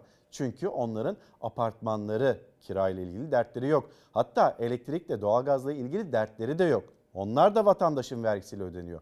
Bir de makam araçları var. Yeni yeni makam araçları da alınıyormuş masaj yapanlarından böyle. E onların öyle bir sorunu, sıkıntısı yok. Müge Hanım günaydın. Yeni yılda hayırlı haftalar diliyorum demiş Müge Özçelik. Bizler de selamlarımızı iletelim. Dilek Hanım da diyor ki Afyon'da şehir içi dolmuşlara zam gelmiş. Bunu da söyleyin lütfen. 5 lira olan tam ücret 6,5 liraya çıkmış. Öğrenci 6 lira olmuş. İyi ki asgari ücrete zam gelmiş. Afyon Karahisar'dan bu mesajı paylaşıyor. Hatırlayacaksınız akşam gazetesindeydi. Kısa mesafe artık 40 TL. İstanbul'da da o düzenlemeler yapıldı. Taksimetreler onlar da böyle güncellendi. Yeni fiyatlara dair indi bindi artık 40 TL diyebiliriz. Ama akşam gazetesinden o haberi okurken şöyle çift taraflı okumaya çalıştık. Kısa mesafe artık 40 TL. Şimdi ifade bu. İki şekilde yorumlanabiliyor. Bir müjde gibi de okuyabilirsiniz. Kısa mesafe artık 40 TL. Hani böyle de okuyabilirsiniz. Kısa mesafe artık 40 TL. Yani buraya geldik. Aşık yoksulluk rakamlarına bakıyoruz hep birlikte. Aşık sınırı 8130 lira. Türk İş'in açıkladığı rakam. Türk İş 9 bin liranın altına imza atmayız demişti. İşte açıklanan asgari ücret ve hemen kıyısında açlık sınırı 8130 lira. Gerçi buna Çalışma Bakanı itiraz ediyor. Öyle bir şey yok diyor. Yani bu rakamlar doğru değil değerlendirmesi Vedat Bilgin'in o şekilde 40 lira ya da 40 lira 22 kuruşa denk gelen 2 dolar 15 sent. Açlık sınırı bir kişinin açlık sınırı bu seviyelerde tamam o zaman onun hesabını yapalım hep birlikte. Türkiye'de memlekette açlık sınırı neymiş? Eğer 2 dolar 15 sentse e, Türk lirası olarak karşılığı da 40 lira 22 kuruşsa kişi başına ne kadar çıkar? 4 kişilik aile için mesela açlık sınırı 4824 lira. Siz sadece gıda bu. 4000 4 kişilik bir aile 4824 lirayla geçinebilir mi? Size bu soruyu sormuş olayım yeni yılda. Yoksulluk sınırına geldiğimizde 26485 lira ve mutfak enflasyonu yıllık %98.41. Böyle bir artış Aralık ayı için karşımıza çıkan rakam veri de bu şekilde. Çarşıya pazara baktık hatırlatmış olduğumuz haberler var. Bir de balık fiyatlarına bakalım hangi balıkta bolluk var fiyatı ucuz hangi balığı bulamıyoruz artık. Deniz sıcaklığı düştü, Karadeniz'de balıkçılar ağ attı, ağlar bu kez istavritle doldu. Denize açılan balıkçılar karaya istavritle döndü. Ağlar palamut ve hamsiden sonra istavritle dolmaya başladı. Rize'de tezgahlardaki istavritin kilosu 50 lira. Balıkçılar hamsinin bollaşacağını bekliyordu fakat bekledikleri gibi olmadı. Umdukları hamsi bolluğunu bulamadılar. Beklediğimiz hamsi yok şu anda ama tombul bir hamsilerimiz var. Onları ediyoruz. Allah izin ederse daha iyi olacak herhalde inşallah bakalım. Vatandaşın gözü hamside fiyatlardansa memnun değil. Balığın ucuzlamasını bekliyorlar. Çok pahalı şu anda. Biraz daha uygun olmasını istiyoruz. Rizeliler hamsi bollaşsın diye beklerken hamsiyle dolan tezgahların adresi Zonguldak'tı. Allah bize veriyor biz de halka veriyoruz kardeşim benim. Dört yıl balık başladı. Palamut bolluğu yaşadık. Herkes buraya palamuta yığıldı. Şu an hamsi yığılıyor. Tezgahta 35 liradan yerini alan hamsi hem satını hem alanı memnun etti. Balıkçı esnafının, balıkçıların ekmek mücadelesi bu şekilde karşımıza çıkan rakamlarda işte gördüğünüz gibi yeni yılda ve önümüzdeki günlerde acaba daha da ilerler mi yoksa bir indirimde söz konusu olur mu? Şimdi sizleri Trabzon'a götüreceğiz.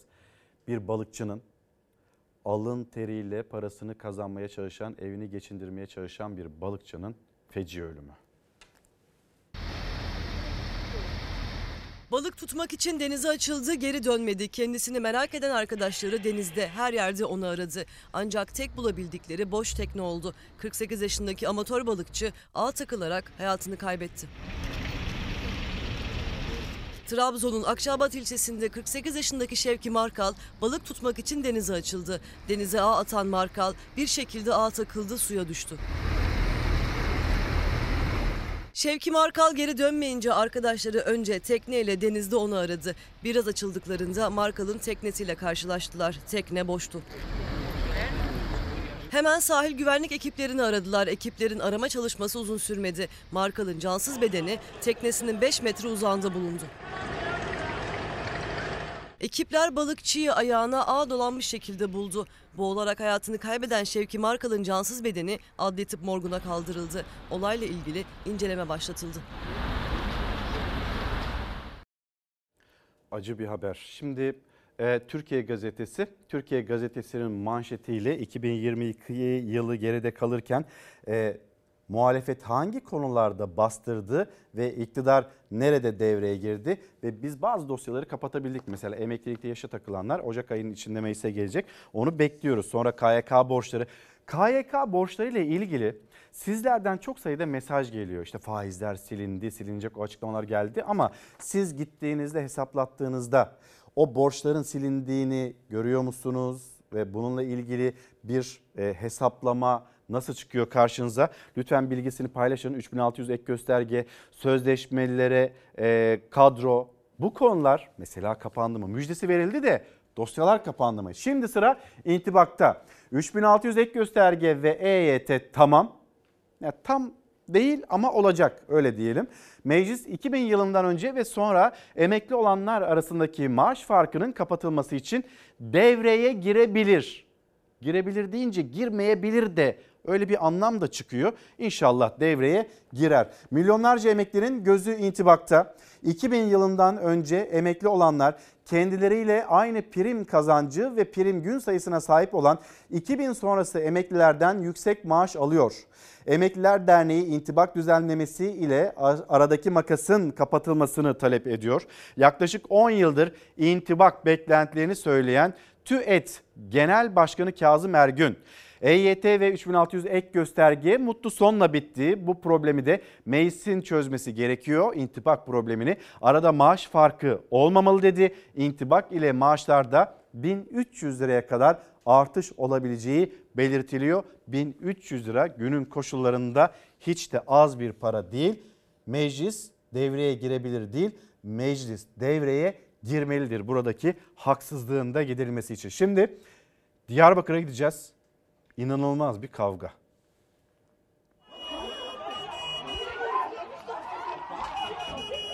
Sitenin bahçesi savaş alanına döndü. İki grup dakikalarca birbirini darp etti. Diyarbakır'ın Kayapınar ilçesinden şiddetin görüntüleri. Dicle Kent bulvarında bulunan bir sitede site sakinleri duydukları ses üzerine cama çıktı. Telefon kamerasıyla sitenin bahçesindeki kavga görüntülendi. İki grubun önce tartıştığı kaydedildi. Tartışma kısa sürede şiddet olaylarına dönüştü. Bir kişi yere düştüğü halde darp devam etti. Başka bir kişi de sitenin kapısına sıkıştırdığı adama defalarca vurdu. Ekiplerin müdahale ettiği site kavgasında 3 kişi yaralandı. Kavgaya karışanlar gözaltına alındı.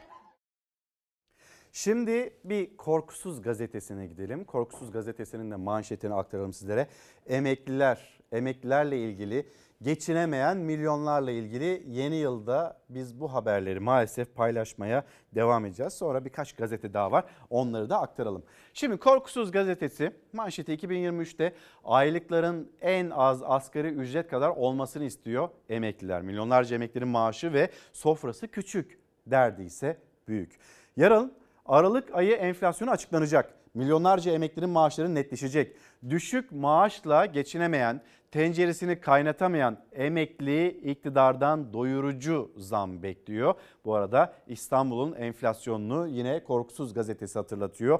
%93'te enflasyon düştü. İşte beli kırıldı, boynu kırıldı, aşağı doğru indi denilirken İstanbul'un enflasyonu %93 olarak açıklandı. İstanbul'da mega kentte bu mega kentte geçinebilmek gerçekten çok zor.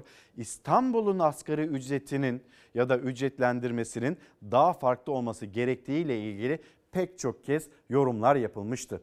Milyonlarca emeklinin düşük maaşları geçim mücadelesinde yetersiz kalıyor.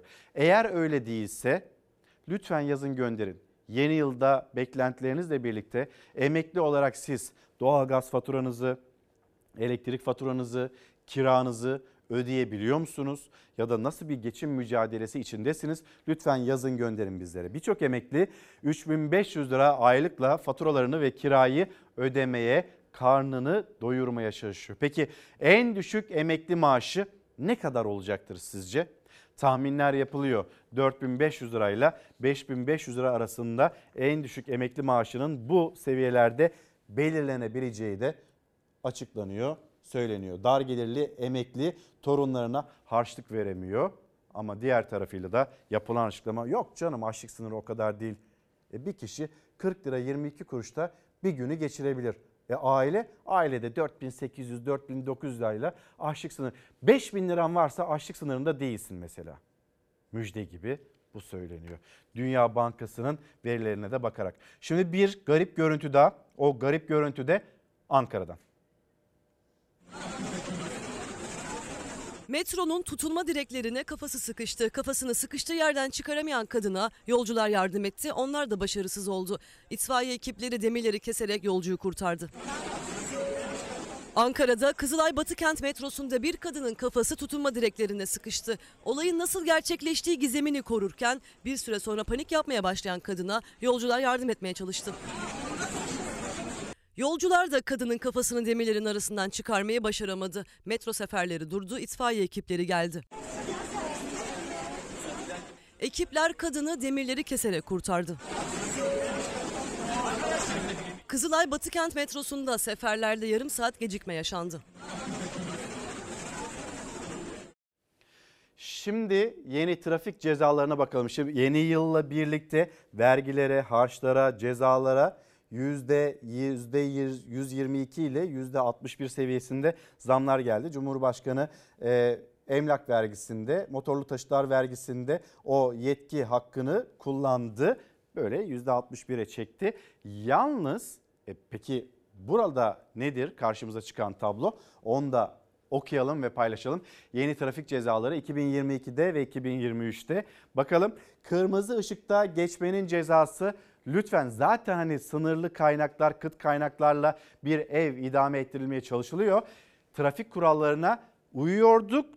Daha sıkı uymamız gerekiyor. Çünkü ciddi seviyede o cezalar geldi. Kırmızı ışıkta geçmenin cezası 427 liradan 952 liraya yükseldi. Ehliyetsiz araç kullanma 3674 liradan 8190 liraya yükseldi.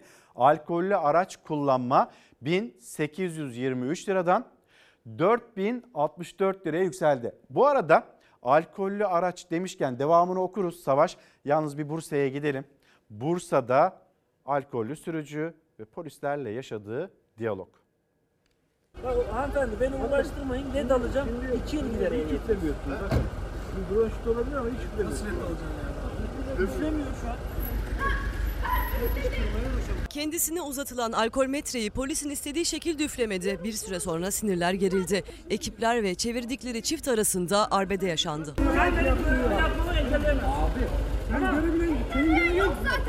Bursa'nın İnegöl ilçesinde ekipler çevirme yapıyordu. Çevirmeye takılan aracın sürücüsüne alkol metre üfletmek istediler. Ancak kadın alkol metreye yeterli nefes veremeyince ekipler alkol testini yapamadı. Kadının eşi polis ekiplerine sert çıkınca olaylar büyüdü. Gerek yok. Memur Bey! Abi.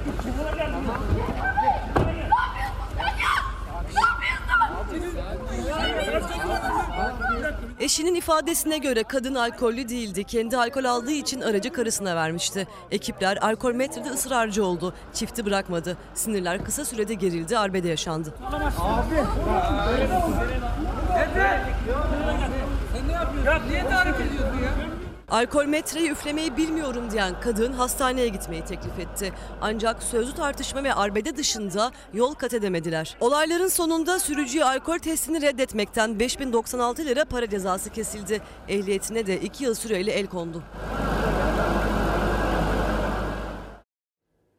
Devam edelim. Hız sınırını %10 ile %30'a kadar aşarsanız 2022'de 427 lira öderken 2023'te 952 lira ödemek durumundasınız. Eğer %50'nin üzerinde aşarsanız da 4064 lirayı bulacak. Emniyet kemeri kullanmama 436 lira bunun cezası. Sonra araç kullanırken cep telefonunu kullanma pek çok kişi yapıyor. Zaman zaman bizler de yapıyoruz. Yapmamamız gerekiyor. 427 liraydı 2022'de bunun cezası. Şimdi 1000 liraya dayandı. 952 lira. Çakar veya siren kullanma 1823 liradan 4064 liraya yükseldi cezası. Drift zaten bunu yapmayın. Bu kadar böyle anlamsız bir şey e, daha yok yani. E, ve bunun cezası da 9125 liradan 20342 liraya yükselmiş. Az bu. 100 bine kadar çıksın insanların hayatını nasıl da tehlikeye atan bir durum. Efendim şimdi bir mola vereceğiz. Hızlı bir şekilde döneceğiz. Dünya turu, sonra birkaç haber ve bir de misafirimiz var. Cemal Engin Yurt burada Çalar Saat'te konuğumuz olacak. Reklamlardan sonra. Günaydın bir kez daha devam ediyoruz Çalar Saat'te ve şu anda yanımızda Çalar Saat bülten sorumlusu Zafer Söken var. Zafer günaydın bir kez daha iyi yıllar sana da. Günaydın İlker Karagöz, mutlu seneler. Şimdi dünyanın gündemini konuşacağız. Biz Türkiye'nin gündemini birazcık toparlamaya çalıştık. Maalesef Türkiye'nin gündemi e, genel itibariyle e, pahalılık gündemi, geçim meselesi ama siyasetin de sıcak konuları var. Zafer'le bir dünya neyi konuşuyor? Dünyadan ilginç görüntüler var yine. Zafer onları buldu, getirdi dehlizlerden, o uluslararası ajansların dehlizlerinden çıkardı, getirdi. Ama önce Ankara-Şam arasındaki o yakınlaşma notları. Geçtiğimiz hafta Milli Savunma Bakanları düzeyinde Türkiye ve Suriye Milli Savunma Bakanları Moskova'da bir araya gelmişti. Ardından Hulusi Akar da açıklama yapmıştı hatta Suriyeli kardeşlerimiz merak etmesin biz onları hiçbir şekilde mağdur etmeyiz diye. Ancak e, Euronews'in geçtiği bir görüntü var. Elbap'ta Suriyeli muhaliflerin kontrolündeki Elbap'ta e, muhalifler bir protesto gösterisi düzenledi. Türkiye'nin Ankara'nın Şam'la yakınlaşmasını protesto ettiler. Yani Türkiye Esad'a karşı bizim yanımızda dursun dediler ki zaten 11 yıldır Türkiye onların yanında. Yani Hulusi Akar'ın mesajını tekrar söylemekte fayda var. Türkiye Suriyeli kardeşlerini mağdur etmez diye belirtti. Bu görüntüler Cuma günü işte Elbap'ta kaydedildi. Hemen Türkiye'nin karşısındaki Suriye sınırında kaydedilmiş bu protesto gösterileri. Bunu da burada bahsetmeden edemezdik. Şimdi devam edelim. Tabii bu arada sen de hatırlatıyorsun.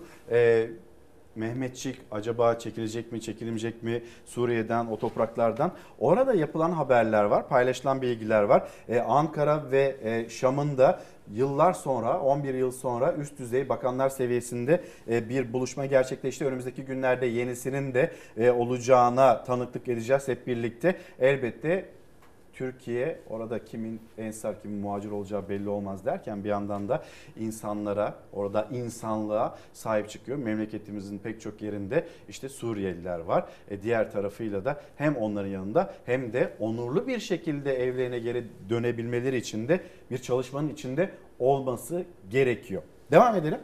Evet hafta sonu tüm dünyayı sarsan bir hayal kırıklığı haberi. Ronaldo yani bekledik nereye gidecek, nereye transfer olacak Manchester United'dan olaylı bir şekilde ayrıldıktan sonra ve o adres daha önce Cumhurbaşkanı Erdoğan da Sen açıklamıştı. ihtimali vermemiştin ama değil mi? İhtimal vermemiştim yani benim için de bir hayal kırıklığı çünkü yani bu şarkı burada bitmemeliydi. Bu şarkı Suudi Arabistan'a gitmemeliydi. Devler Ligi'nde mücadele etmeliydi. Biz Ronaldo'yu Messi'lerle, Mbappe'lerle oynarken görmek istiyorduk. Tüm dünya taraftarları, tüm Ronaldo'yu sevenler öyle görmek istiyordu. Ancak Ronaldo tercihini biraz da paradan yana yaptı. Suudi Arabistan'ın Al Nasır kulübüne transfer oldu. Çok büyük paralar kazanacak. Yıllık 75 milyon euro kulüpten alacak, Al Nasır'dan alacak ve diğer işte 75 reklam gelirleriyle beraber yıllık 200 milyon euroya çıkacak.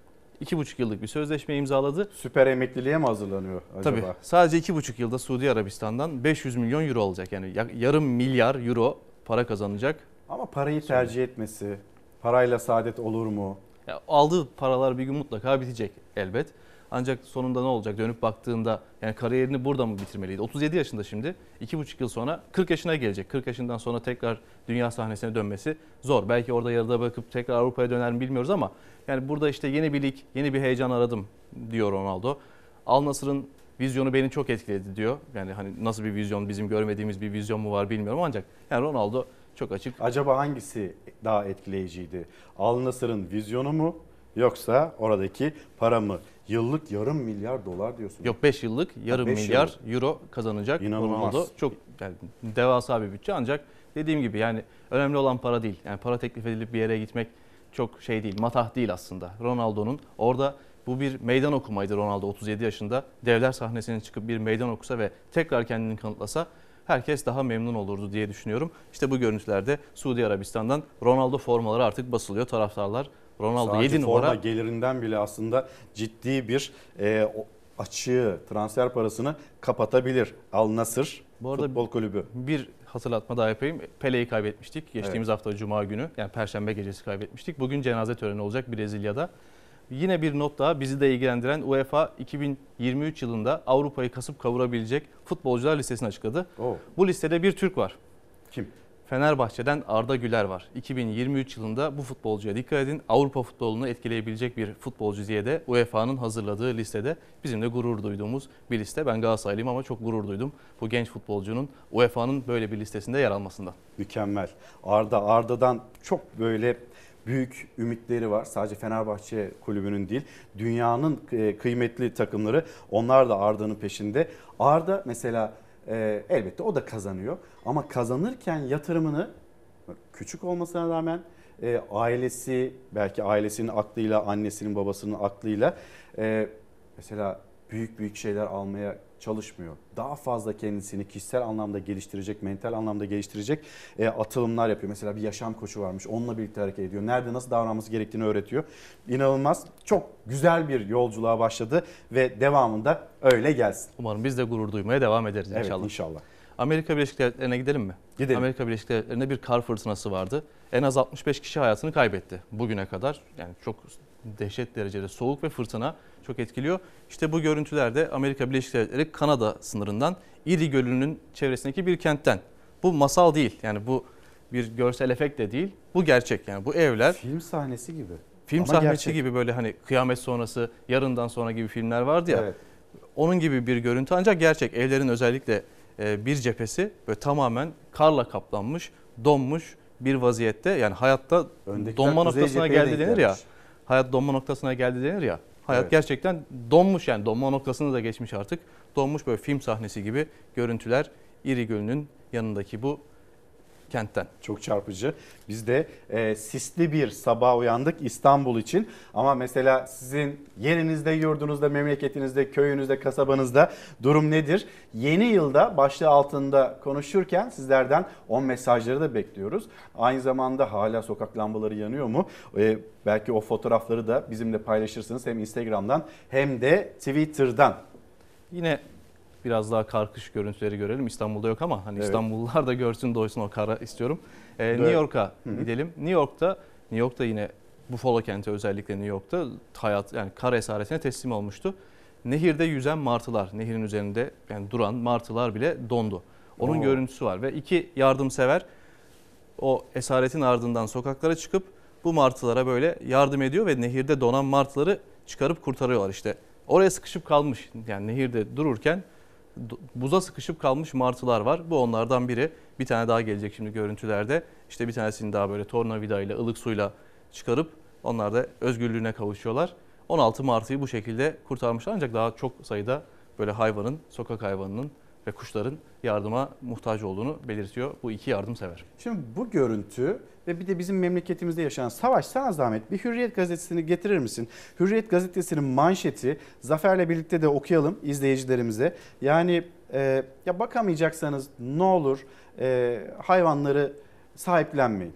Bakın şimdi vicdansızdan yeni bir bahane diye bir manşet haber var. Hayvanları sokağa terk edenlerin son bahanesi mikroçip oldu. Çip uygulamasının getirdiği sorumluluktan kaçmak isteyen vicdansızlar patili dostlarını terk ediyor. Bir kere ortada dostluk yok. Kimse dostunu terk etmez ve Şu anda yaşadığımızda bu. Terk edenler 3'e katlandı. Teşvik modeli de devreye girsin deniliyor. Çip uygulamasıyla hayvanlarını terk edenlere para cezası geliyor. Hayvanseverler bu nedenle birçok hayvan sahibinin çip takılmadan önce kedi ve köpeklerini sokağa terk ettiğini anlatıyor. Her eve bir pati derneği başkanı Emre Demir normal aylarda bizim bahçemize 20-30 dostumuz gelirken şu anda 80-90'lara dayandığı uyarısında bulunuyor. İşte insanlar dostum dediklerini sokağa bu şekilde terk ediyorlar. Devam edelim Zafer. Yani sevgi bu şekilde olmaz. Al Yazmal'ın filminde Türkan Şoray diyor ya. Sevgi neydi? Sevgi emekti. Yani emek göstermek lazım ve sorumluluk almak lazım. Yani bunu alamıyorsak hiç yani bu hayvanları doğal ortamlarından da koparmamak lazım. İlk krizde, yaşanan ilk krizde belki bunun içine bir de mali yetersizlikleri de ekleyebiliriz. Sebebi ne olursa olsun işte sokak hayvanlarını alıyorlar, sahipleniyorlar. Birazcık sevdikten sonra ama yani böyle bir yaklaşım da kabul edilemez. Ondan sonra da sokağa terk eden insanlar var. Hatırlatmış olalım. İtalya'ya gidelim mi şimdi? Gidelim. Yine karla karp, kaplı Sarp dağlarda bir uçak ve bu uçak acil durum yani motorları arızalanıyor ve pilotu o dağlara inmek durumunda kalıyor. O dağlar da bu dağlar öyle dümdüz ovalar değil yani bu dağlara inmek zorunda kalıyor. Ve pilot da 22 yaşında bu, bu uçağı uçuran pilot. Yani çok genç kadar da bir genç. pilot. 3 kişiler bu uçakta ve daha sorunsuz bir şekilde iniyor. Yani uçağı da görüyoruz böyle bir kırıma uğramamış. Ve üçü de sağ kurtuluyor. Yani bir mucize kurtuluş bu kadar sarp bu kadar Harika. engebeli bir dağda yaptığı iniş çok başarılı olmuş. Yani Mucize kurtuluşun şu görüntüleri izlerken bile insan korkuyor yani. Ona rağmen çok iyi bir şekilde uçağı indirmiş ve mucize bir kurtuluşa imza atmış 22 yaşındaki genç pilot. İnanılmaz. Şimdi bir başka konu gündem. NASA, NASA şimdi bu kadar kalkış verdik. Mars'ta hava nasıl? Mars'ın durumuna da bakalım. Mars'ın da hava çok durumu, etkileyici, çok yani görsel şölene sahip görüntüleri paylaşmış NASA. Mars'tan fotoğraflar. Mars'ta kış nasıl geçiyor? Mars böyle ıssız çöl gibi bir yer gibi görünüyor ya. Evet. Mars, Mars'ta da kış var ve Mars'ta da işte bu böyle buzla kaplanan tepecikler. Yani o tepelerin üstü bu NASA'nın paylaştığı görüntüler. Yalnız böyle yaşamak çok mümkün değil. Eksi 123 santigrat derece Oo. Mars'ta durum.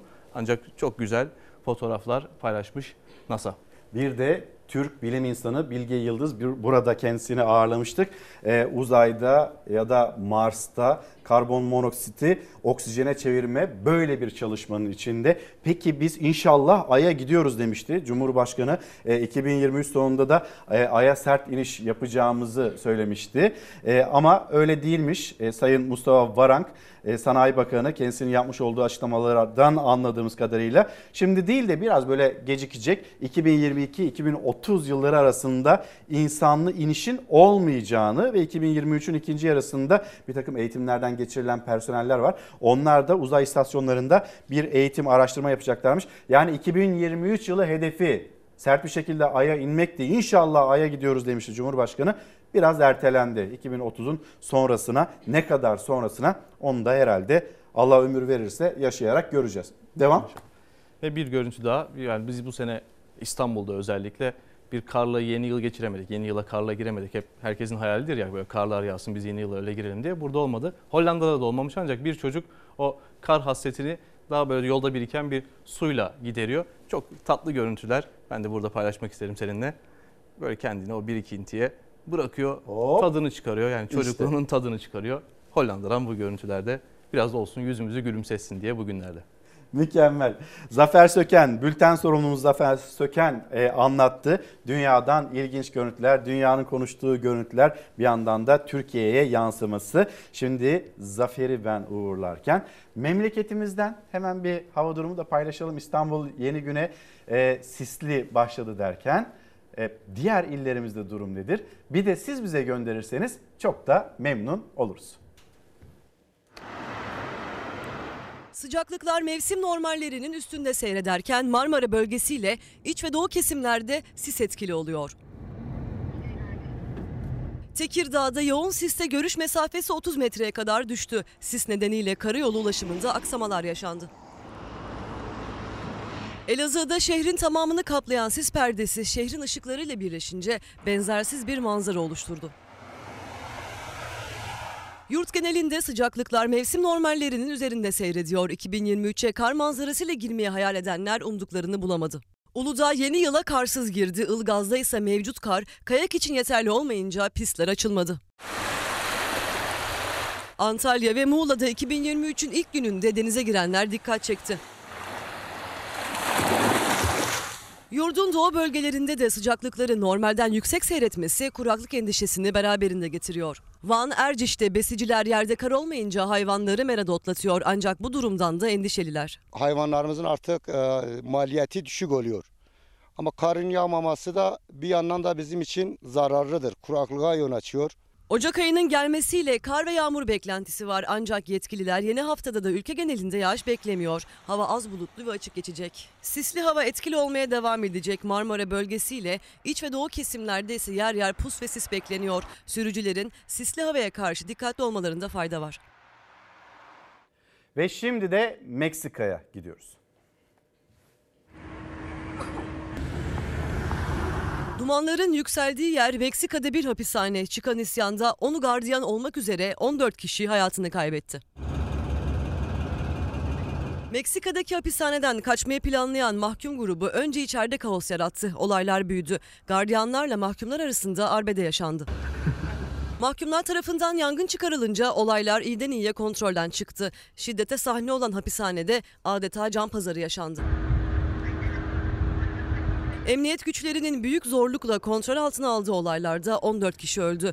Ölenlerin 10'u gardiyan, 4'ünün mahkum olduğu açıklandı. Yaşanan olaylar sırasında 26 mahkumun kaçtığı bildirildi.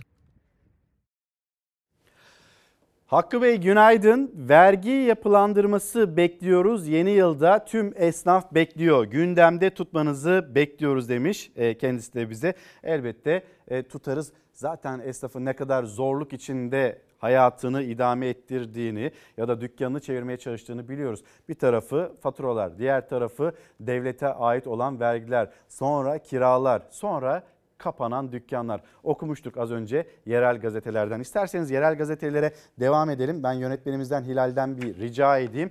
Ee, Yeni Gün gazetesi Diyarbakır maliyetler ve kuraklık tarımsal üretimi sekteye uğrattı. Ekili alan miktarı düşüyor. Girdi maliyetlerindeki yüksek artış ve kuraklık 2022 yılında tarımsal üretimi sekteye uğrattı. TÜİK'e göre tarımsal girdi fiyatları Eylül ayında yıllık %138.15 artışla rekor kırdı. Artan maliyetler ve kuraklık nedeniyle verimin düşmesi çiftçiyi tarladan uzaklaştırırken tarımsal ürün arzı da düşüyor. Bu ne demek? Bu 2023'te hayatın pahalı olacağı anlamına geliyor. Yani sebzeyi, meyveyi zaten çıktığınızda çarşı pazarda uygun fiyattan alamıyorken önümüzdeki günlerinde kolay geçmeyeceğini söylüyor. Mesela Kent Gazetesi o da bir hesaplama yapmış. Tarlada 12 lira, markette 25 lira. Kiliste özellikle kilis, tava, semsek, öcce ve sarımsak aşı gibi yemeklerde kullanılan yemeğin yanında çokça tüketilen yeşil sarımsak tarladan büyük marketlere gelişindeki fiyat serüveni adeta dudak uçuklattı. Tarladan yaklaşık 12 liraya mal edilen ve böyle alınan sarımsak marketlerde 25-30 liradan satılıyor ve e, tüketici bu pahalılıkta alıyor, bu pahalılıkla alıyor ama üreten kazanıyor mu? Maalesef onlar da kazanamıyor. Sözcü gazetesi, hadi Sözcü gazetesini de tamamlayalım. 2023'ün ilk bebeği haberini okumuştuk sizlere, aktarmıştık. Tabii bu habere ya da o haberin yaratmış olduğu e, hissiyata itirazlar da var. O itirazlardan birisi yeni doğan her bebek, yeni gelen her yıl yaşamaktan yorulduklarımızı geride bırakmak, yeni ve güzel umutlar taşımak için çok güzel sebeplerdir. Bunu da söylemek gerekiyor. Tamam bebeklerimiz borçlu bir dünyaya geliyor. Memleketimizde bu yaşanıyor ama onların bir eve katmış olduğu heyecan o da gözden kaçmasın. Böyle devam etmeyecek elbette. Her günümüz, her yılımız, her haftamız, her ayımız böyle mi olacak? Öyle olacağı zannedilmesin. Yeni yıl demek umut da demek aynı zamanda unutulmasın. Şimdi Sözcü gazetesi hemen o haberimizde okuyalım. Bakalım Lozan yalanının süresi doldu. Kazma kürekleri hazırlayın. Her fırsatta Lozan anlaşmasını karalamışlardı. Böyle denilmişti ki Lozan'da bazı maddeler var gizli madde. Bakıyorsunuz okuyorsunuz maddelerin hiçbirinde yok. Yok yok onlar gizli madde. Birileri biliyor. bilgi sahibi olmasa da size e, kendi sahip olmadıkları bilgiyi dayatıyorlardı. Hadi bakalım Cumhuriyet'in 100. yılına geldik. 2023 yılına geldik. Lozan'ın gizli anlaşması var mıymış yok muymuş her tarafımızdan e, doğalgaz petrol fışkıracakmış da Lozan mı engellemiş bu ülkenin tapusu mu engellemiş bu ülkenin geleceği mi engellemiş onunla ilgili bir haber. Türkiye Cumhuriyeti'nin tapusu olan Lozan Antlaşması'nı karalayanlar için 100 yıl doldu. Sosyal medyada tepki gösteren yüz binler hadi bakalım kazma kürekleri alın kazmaya başlayın diye dalga geçti. Jelibonlu paylaşım bile yapılmış. Öyle bir rezerv var 6,5 milyar dolarlık işte jelibon mu bulunmuş bir şey bulunmuş diyordu Ankara'nın önceki Büyükşehir Belediye Başkanı Melik Gökçek'in söylediği buydu. Şimdi isterseniz bir İstanbul'da kalalım. İstanbul Beyoğlu ve Galata Kulesi etrafında kalacağız. Orada yaşanan bir panik anı görüntüleri. Bina önüne bırakılan şüpheli çanta ihbar edildi. Ekipler bölgede geniş güvenlik önlemi almışken sahibi bir anda çantayı aldı. Ekipleri çantayı açmakla tehdit edince panik yaşandı. İstanbul Beyoğlu'nda bir kişi çantasıyla vatandaşa da turiste de emniyet güçlerine de zor anlar yaşattı.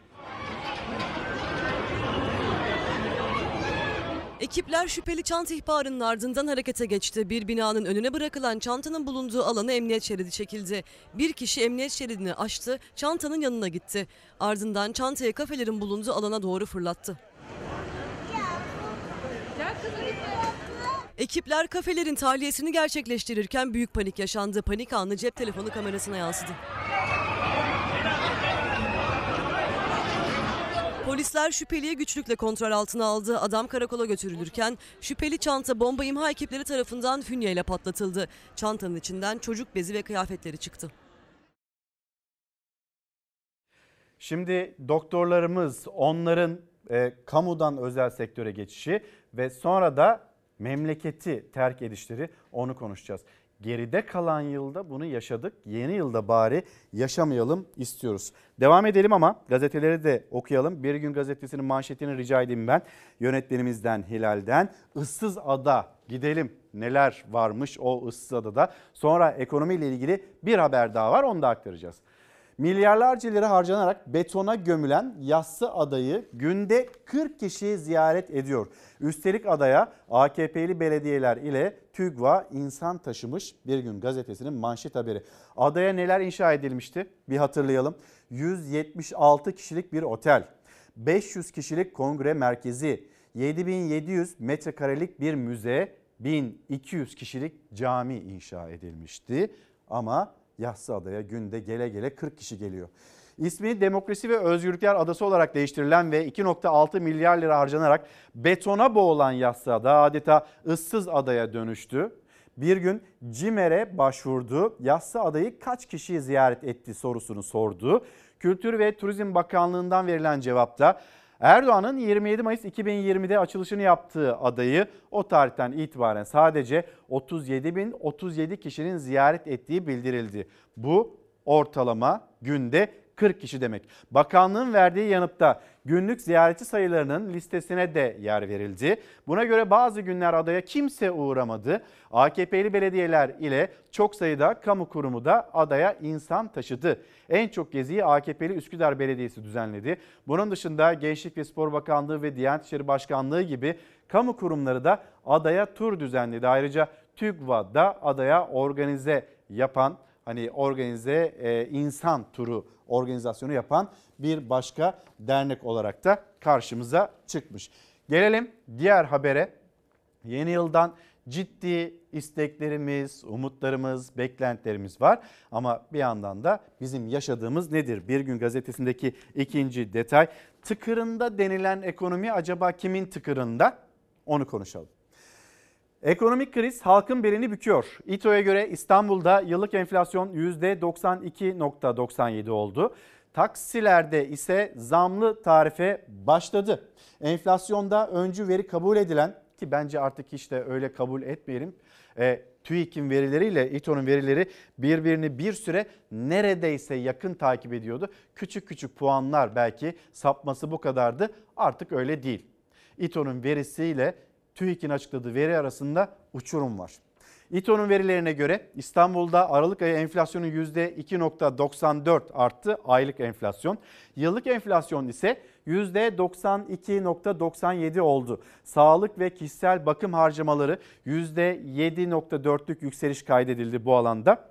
Toplam fiyatlarda en fazla artış ise %10.65 ile inşaat malzemeleri grubunda oldu. Peki o zaman inşaat maliyetleri de hala artarken o konutların fiyatı ne kadar inecek?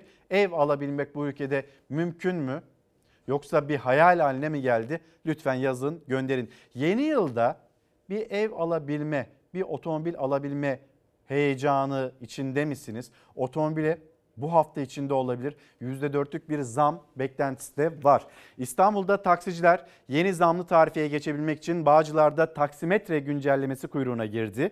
Zamlı fiyatlarda uygulanmaya başlandı. Öte yandan tüm araçlarda yapılması zorunlu olan araç muayenesi fiyatları yeni yılla zamlandı. Ücretler tam %122 oranında artırıldı. Devletin enflasyonu bu. Asgari ücretliye yapılan enflasyon zammı ya da asgari ücrete gelen zam %54 ve biz emekliye %17, %18 bu seviyede zam yapılmasın diyoruz. Bakın devlet %122 zam yaparken emekliye acaba ne kadarlık bir zam gelecek? Gelelim doktorlarımız 2022 yılı hadi geride kaldı. 2023, 2023'te bari onlar yanımızda olsunlar.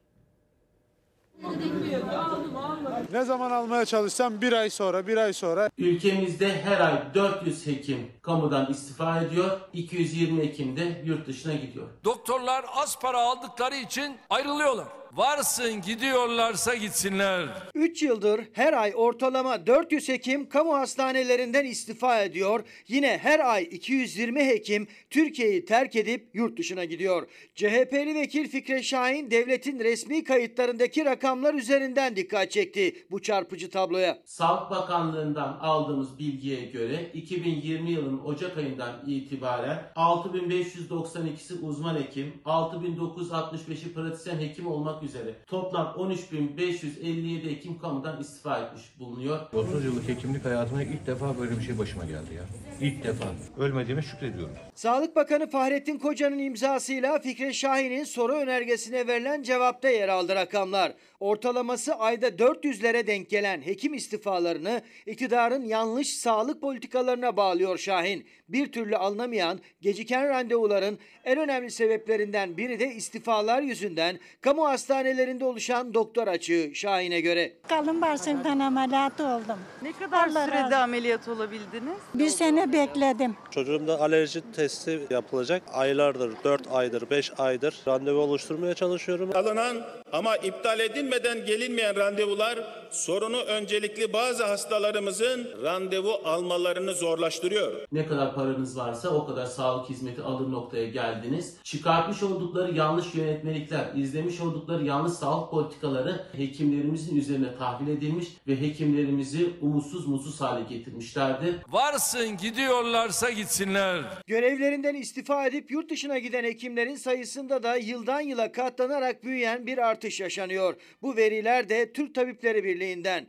2012 yılında yurt dışına giden hekim sayısı 59 iken 2022 yılının ilk 11 ayında bu rakam 2417'ye ulaşmış. Şahin son 10 yılda yurt dışına giden hekim sayısında tam 40 kat artış olduğuna dikkat çekti. Hiçbirimizin can güvenliği yok. Cumhurbaşkanımızdan, Sağlık Bakanımızdan lütfen elinizi atın bu sağlıktaki şiddet olayına dur diyecek önlemler alın ne olursunuz. Türk Tabipler Birliği'nin verilerine de göre de 2022 yılının ilk 11 ayında 2417 hekim yurt dışına gidiyor. Dolayısıyla her ay 400 hekimimiz kamudan istifa ederken 220 hekimimiz de yurt dışına gidiyor. Şimdi konuğumuz da geldi. Demokrat Parti Milletvekili Cemal Engin İstanbul'da sis olduğu için uçağının inişi biraz gecikti ama nihayetinde geldi. Hemen haberimizi aktaralım sizlere. Beklenti yine EYT'de 3600'de kapanmayan dosyalar bir hatırlatalım. Sonra da Cemal Engin Yurt'la Türkiye'nin gündemini, dünyanın gündemini bir değerlendirelim. Dünyadan Türkiye'ye bir bakış da olsun yayınımız. KYK dedim, EYT dedim. Bay Kemal söylüyor, saray paniğe kapılıyor. Mutlu seneler 2022 kapanan dosyaları emeklilikte yaşa takılanlar 3600 ek gösterge düzenlemesi. Metal yorgunu beyin ölümü gerçekleşmiş bu hükümet Sayın Genel Başkanımızdan sufle almadan adım atamaz hale gelmiştir. Çalışma Bakanı Vedat Bilgin 2022'nin kapanan dosyaları diyerek icraatlar tablosu paylaştı. EYT'den sözleşmeliye, kadro sözüne kadar 5 dosyaya kapanmış gözüyle baktı. CHP bizim sayemizde dedi. Sendikalara göre ise tablo pek de göründüğü gibi değil. 3600'le uğraştık. 3600'ü bitirdik. O çok önemli bir mevzuydu. Kamu çalışanı emeklilerine rahat nefes aldıran bir çalışma oldu. Memurlarda e, bir kısmı 3600'den faydalanırken bir kısmının derecesi 3600'e çıkmıyor. Derecesinin ne olacağı, kimlerin 3600 olacağı, 600 puan yükseltilerek hangi memuriyetlerin yükseleceği tam olarak netlik kazanmış değil. Biz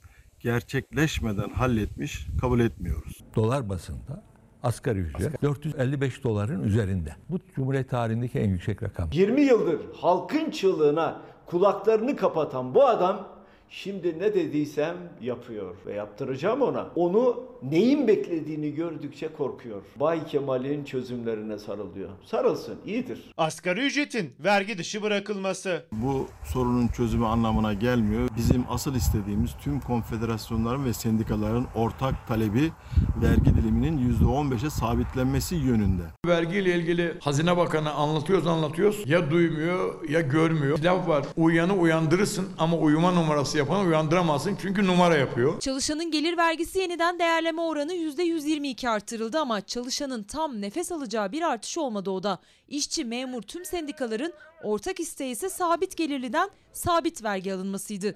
%10 ya da 15'te sabitlenen vergi dilimi iktidarın gündemine bile gelmedi. Kamuda sözleşmeli personele kadro. Hala kadro bekleyen yüzlerce çalışan var. Taşeron meselesi de hala yerli yerinde duruyor. Verilen sözler tutulmadan sene kapatılıyor. Sözleşmeli personel mevzusunu çözdük. Sözleşmelilere kadro sözünüz var. Sözleşmelilere kadroyu vermeden gidiyorsunuz. Bakan Bilgin sözleşmelilere kadro sorununu çözdük dedi ama düzenleme mecliste görüşülmeden AK Parti'nin sunduğu grup önerisiyle meclis tatile girmişti. Düzenleme sadece meclise sunuldu. Yani henüz sözleşmeliye kadro sözü de yasalaşmadı. Milletvekillerinin yeni yıl tatili ise 3 Ocak'ta bitecek ve milyonların beklediği kanun teklifleri görüşülmeye başlanacak. Efendim konuğumuz yanımızda Demokrat Parti Genel Başkan Yardımcısı Cemal Engin Yurt şu anda Çalar Saat'te. Günaydın, Günaydınlar. hoş geldiniz. İyi, İyi yıllar. seneler. İyi Yeni seneler. yılın da açılışını beraber yapıyor sizinle. Evet. Acaba 2022 nasıl geçti ve 2023 beklentileri? Diyor ki mesela İyi Parti Genel Başkanı Meral Akşener bu sene o sene. Öyle mi?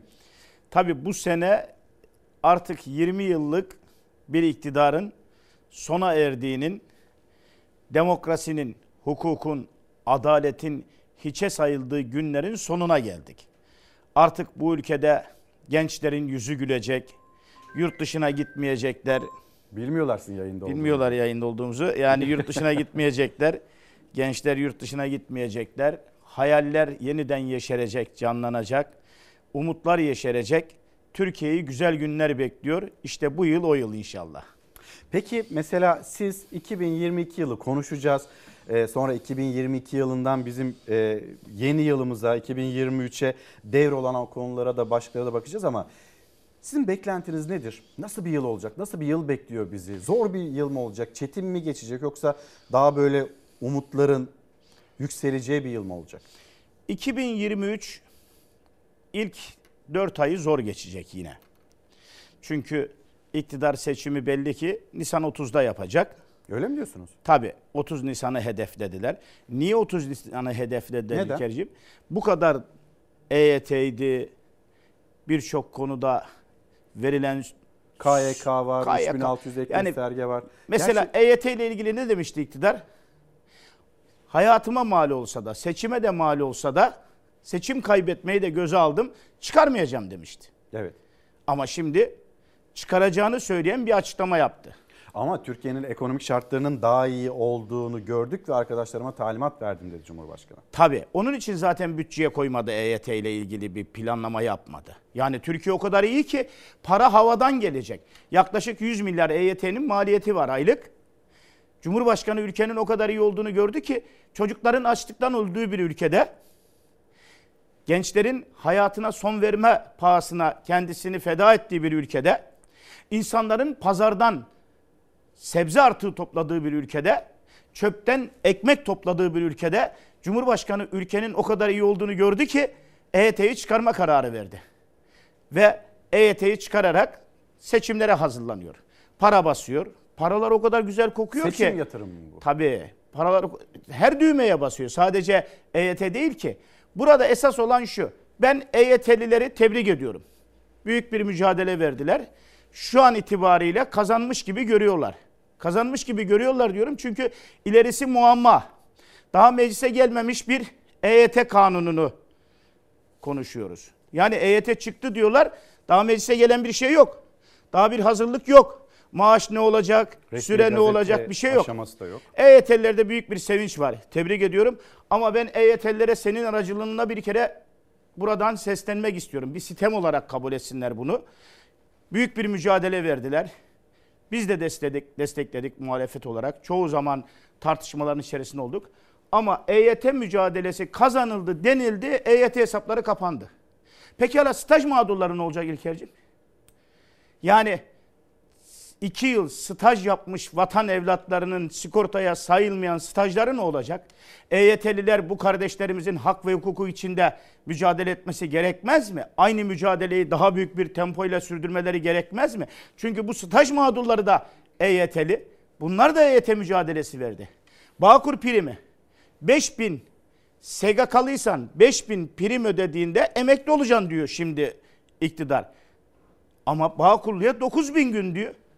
Şimdi bu mücadelenin verilmesi gerekmez mi? Mücadele topyekün değil mi? Emeklilikte yaşa takılanlar vermedi ki bu ülkede sadece mücadeleyi. Topyekün bir hak mücadelesiydi. Gasp edilen bir hakkın alınması için mücadele verildi. Öyleyse bu mücadele devam etmeli. Ben iktidarın yine bir oyun kurduğunu düşünüyorum. Nasıl? Hani bir reklamlarda var ya ben güvenmiyorum diyor hanımına ya araba alacaksın ucuz bilmem nedeni. Vallahi hala bir oyun var diye düşünüyorum. Hala güvenmiyorum diyor ya. Ben Recep Tayyip Erdoğan'a hala güvenemiyorum. Niye? 100 milyara mal olacak diyor. 2,5 milyon emeklinin bize maliyeti. 100 milyar. Nerede bunun karşılığı İlker'ciğim? Bütçede bir karşılık koydun mu?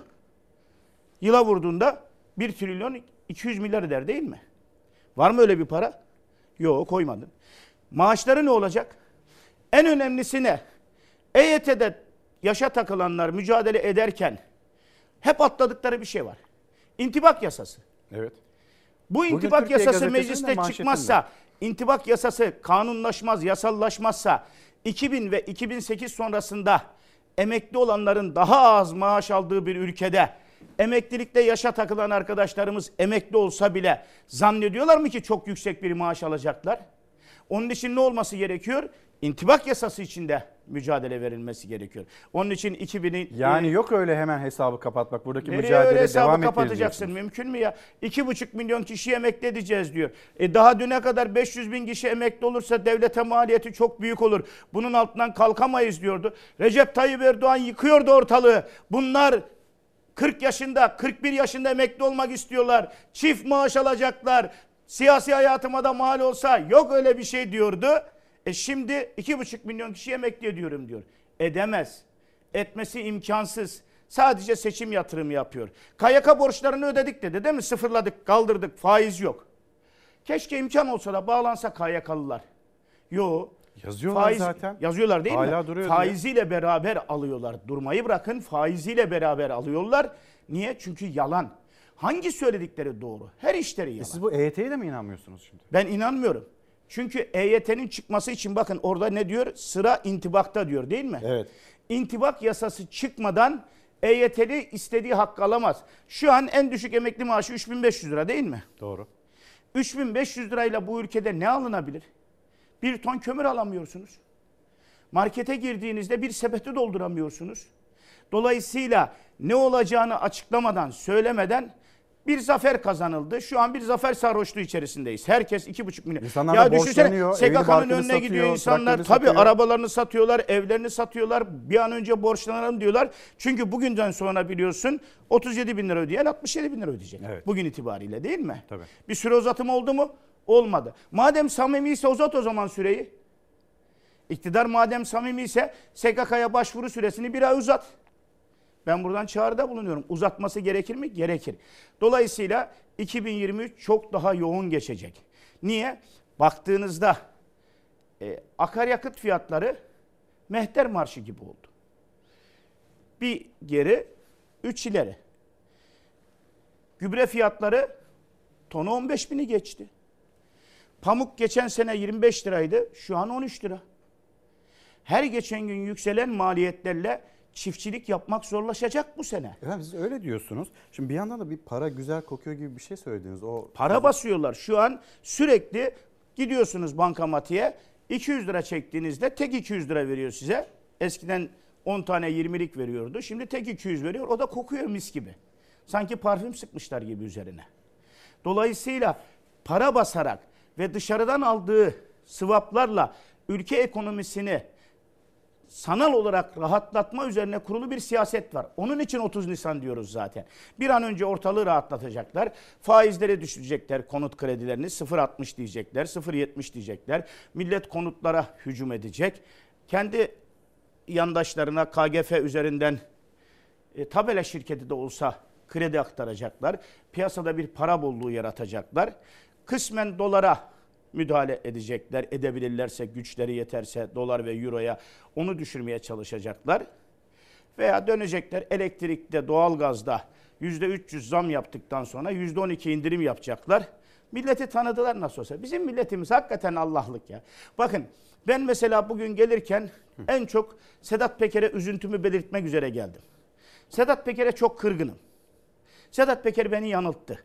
Nasıl? Sedat Peker ifşalarında dedi ki Zehra Taşkesenlioğlu Erzurum AKP milletvekili 4,5 milyon dolara yat aldı dedi. Ben de Sedat Peker'e inandım. Döndüm suç duyurusunda bulundum. Dedim ki Zehra Hanım sen bu yatı nasıl aldın? Hangi vekil parasıyla maaşıyla aldın? Sonra bir öğrendiniz. Memlekette açlık, yokluk, sefalet var. Senin kocan nasıl iki buçuk milyon dolar paranı borsada batırdı dedim. Sonra bir öğrendim ki Zehra Hanım'ın hiç suçu günahı yokmuş. Zehra Hanım yatı dini duyguları sebebiyle mahremiyet olsun diyerek denize rahat girebilmek için almış kadıncağız. Kadıncağızın bir art niyeti yok. Sadece denize girebilmek için almış 4,5 milyon dolarlık yatı. Sedat Peker beni bir öyle doldurdu ki ben de zannettim ki kadın çok paralar buldu. Afrika'da maden ocakları falan var. Yani yargısız infaz yaptınız öyle mi? Yargısız infaz yaptım. Kadıncağız denize girecekmiş ya İlker'cim yani düşünsene. 4,5 milyon dolarlık yatla denize rahat girebilmek için almış yatı. Memlekette çocuk arabası alamayan var, çocuk maması alamayan var. Onlar önemli değil ki.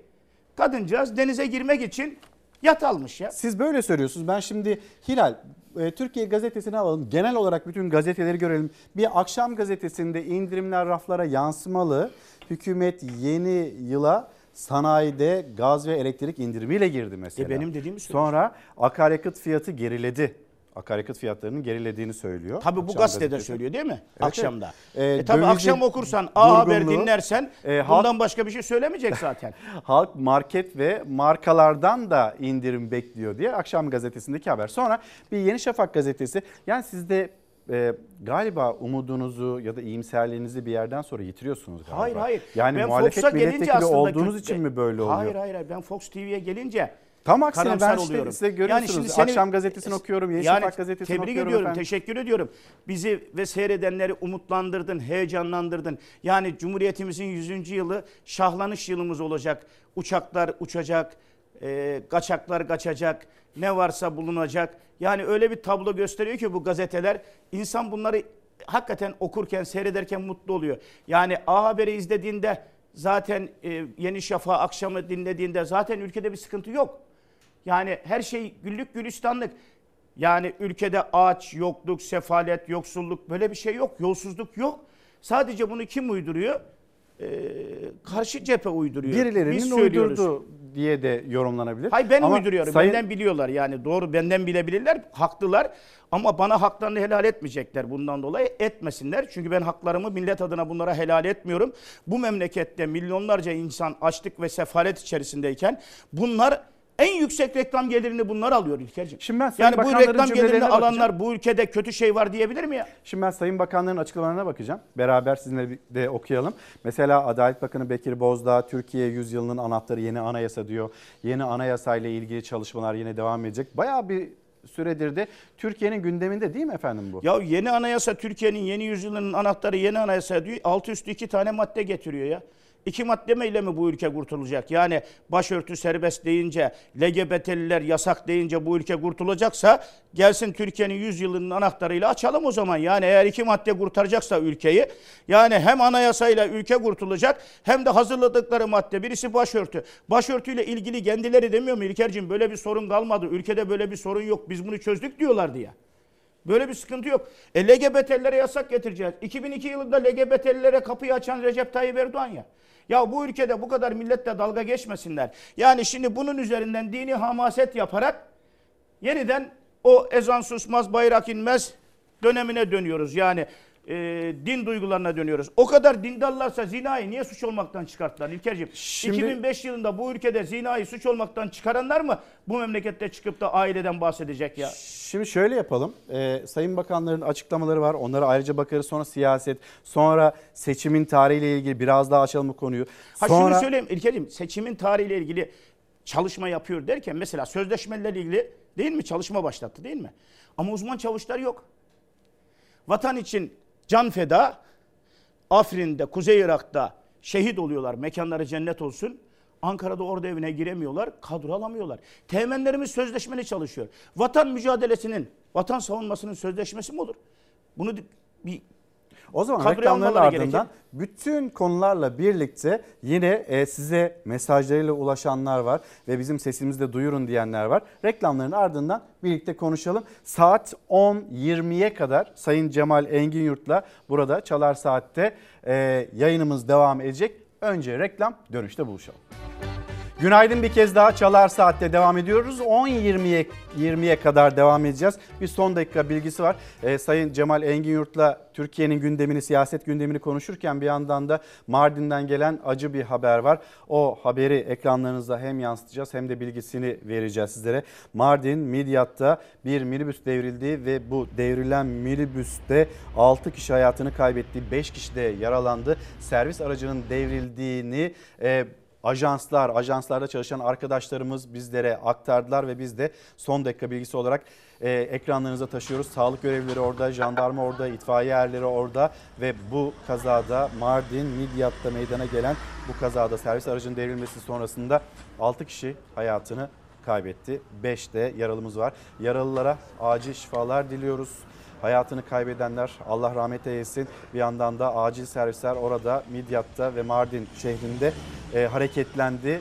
Yaralılara acil bir şekilde müdahale edilebilmesi için. Efendim şimdi e, az önce ya bu mücadele bitti mi EYT'liler nerede diye sormuştu e, Sayın Cemal Engin Yurt ve Gönül Boran Özüpak kendisine hem günaydın diyelim hem de diyor ki kendisi Bizim için bu mücadele bitmiş değildir ve devamında elbette ki e, SSK uzmanları, SGK uzmanları ile birlikte şu anda vardığımız yeri hem konuşacağız hem de daha neler başaracağız göreceksiniz ve hatırlatıyor. Bitmedi bu mücadele stajda, çıraklıkta biziz. Aylık bağlama oranları değişsin diyenler de intibakta biziz. Mücadelemiz devam edecek. Gönül Hanım'a teşekkür ediyorum. Gönül Hanım hakikaten e, takdire şayan bir mücadele verdi. Bazen kendisiyle karşı karşıya geldiğimde oldu. e, Arkadaşlarıyla karşı karşıya geldiğimiz dönemlerde oldu ama yılmadan büyük bir mücadele verdi. E, ben inanıyorum mücadelesinin devam edeceğine. Çünkü tekrar söylüyorum İlker'ciğim Bağkur esnafı prim ödüyor. Ona 9 bin gün diyorsun Bağkurlu'ya ama SGK'lıya 5 bin gün diyorsun. Emekli olabilirsin diyor. Tarım sigortası 20 yıl ödesen daha ödeme demişler. Şimdi diyorlar ki hayır tamamlayacaksın kalan gününü diyorlar. Ödememiş. Bitirmiş 20 yılı ödememiş. Nasıl ödeyecek? Dolayısıyla intibak yasası çıkmadan bağlanacak maaş emin ol e, böyle bir İkramiye gibi bir şey verilir yani. Maaş değildir bağlanacak olan. Burada hak ettiği maaşı alması için intibak yasasının da çıkması gerekiyor. Staj mağduru diyoruz. Yani devlet bunları sigortalı olarak staj yaptırmış iki yıl okullarda. Bu insanların mağduriyetlerinin giderilmesi gerekir. Hakikaten bunların O kadar giderilmesi çok gerekir. mesaj geliyor ki. Tabii yani onlardan. insanlar mağdurlar. Ya ya dert bir değil ki İlker'cim. Bu iktidar hakikaten ülkeyi dertler ülkesi yaptı. 100 binden fazla öğrenci yurt dışında üniversite bitirdi İlker. Evet. 100 binden fazla. Ama bizim YÖK denen ki kaldıracağız inşallah kapatacağız. Eskiden okurken üniversitede solculara kızardım. YÖK kapatılsın diye eylem yaparlardı. Her 6 Bir de Kasım'da. her 6 Kasım'da. Biz de güya solcular eylem yapıyorduk. Ya Allah solculardan razı olsun haklıymış ya. Bu nasıl bir YÖK ya? Bu YÖK kök söktürüyor milleti arkadaş. 100 binin üzerinde vatan evladı gitmiş. Tanımışsın sen bu okulları. Oraları bitirmişler. Dünya masraf etmiş. Aileler büyük ekonomik yük altına girmişler. Denk, denkliğini tanımıyorsun değil mi? Denklik Şimdi- verilmiyor. Sözleşme diyorsun. Ya belediye taşeron işçilerini sisteme dahil etmemişsin. Şu an geliyoruz. Kar yağmaya başladı değil mi? Karayollarındaki o insanları düşünsene ya. Karda, kışta sisteme dahil etmemişsin karayollarındaki işçileri. Az önce söyledim uzman çavuşlar, teğmenler sözleşmeli. İnfaz koruma memurları sözleşmeli. Yani arkadaş sistemi tıkayan bir yapın var iktidar olarak. Açman gerekir. E, Bu mücadeleyi de hep birlikte vermeliyiz. Yani nasıl E- EYT'li mücadelesini uzman çavuş vermedi mi? Verdi. İnfaz koruma memuru vermedi mi? Verdi. Polisler vermedi mi? Verdi. Ya 3600 çıkarttılar İlker. Komedi ya. Komedi. 2200 ek göstergesi olana 600 verdiler. 2800'de kaldı. Lise mezunu polisler en fazla 3000'de kaldı. Dolayısıyla alamadılar. Yani her işleri berbat, her işleri rezil. Milletten habersiz, milletten uzak, sokaktan uzak bir anlayışla yani hep söylüyoruz senin programında da. Süleyman Soylu kahramanlığı, vatanseverliği, bayrak kimseye bırakmıyor. 20 bin tane vatan evladı gazi sayılmamış değil mi? Şarapnel yemiş, mermi yemiş, top mermisi yemiş, patlayıcıya basmış. Bunlar gazi sayılıp Türk bayrağına sarılmak istiyorlar. Yüzde kırkın altındasın sen diye sakat raporu. Bunlar gazi sayılmıyor. Ya arkadaş 15 Temmuz'da kan görüp bayılanı gazi saydınız. Niye saydınız demedik.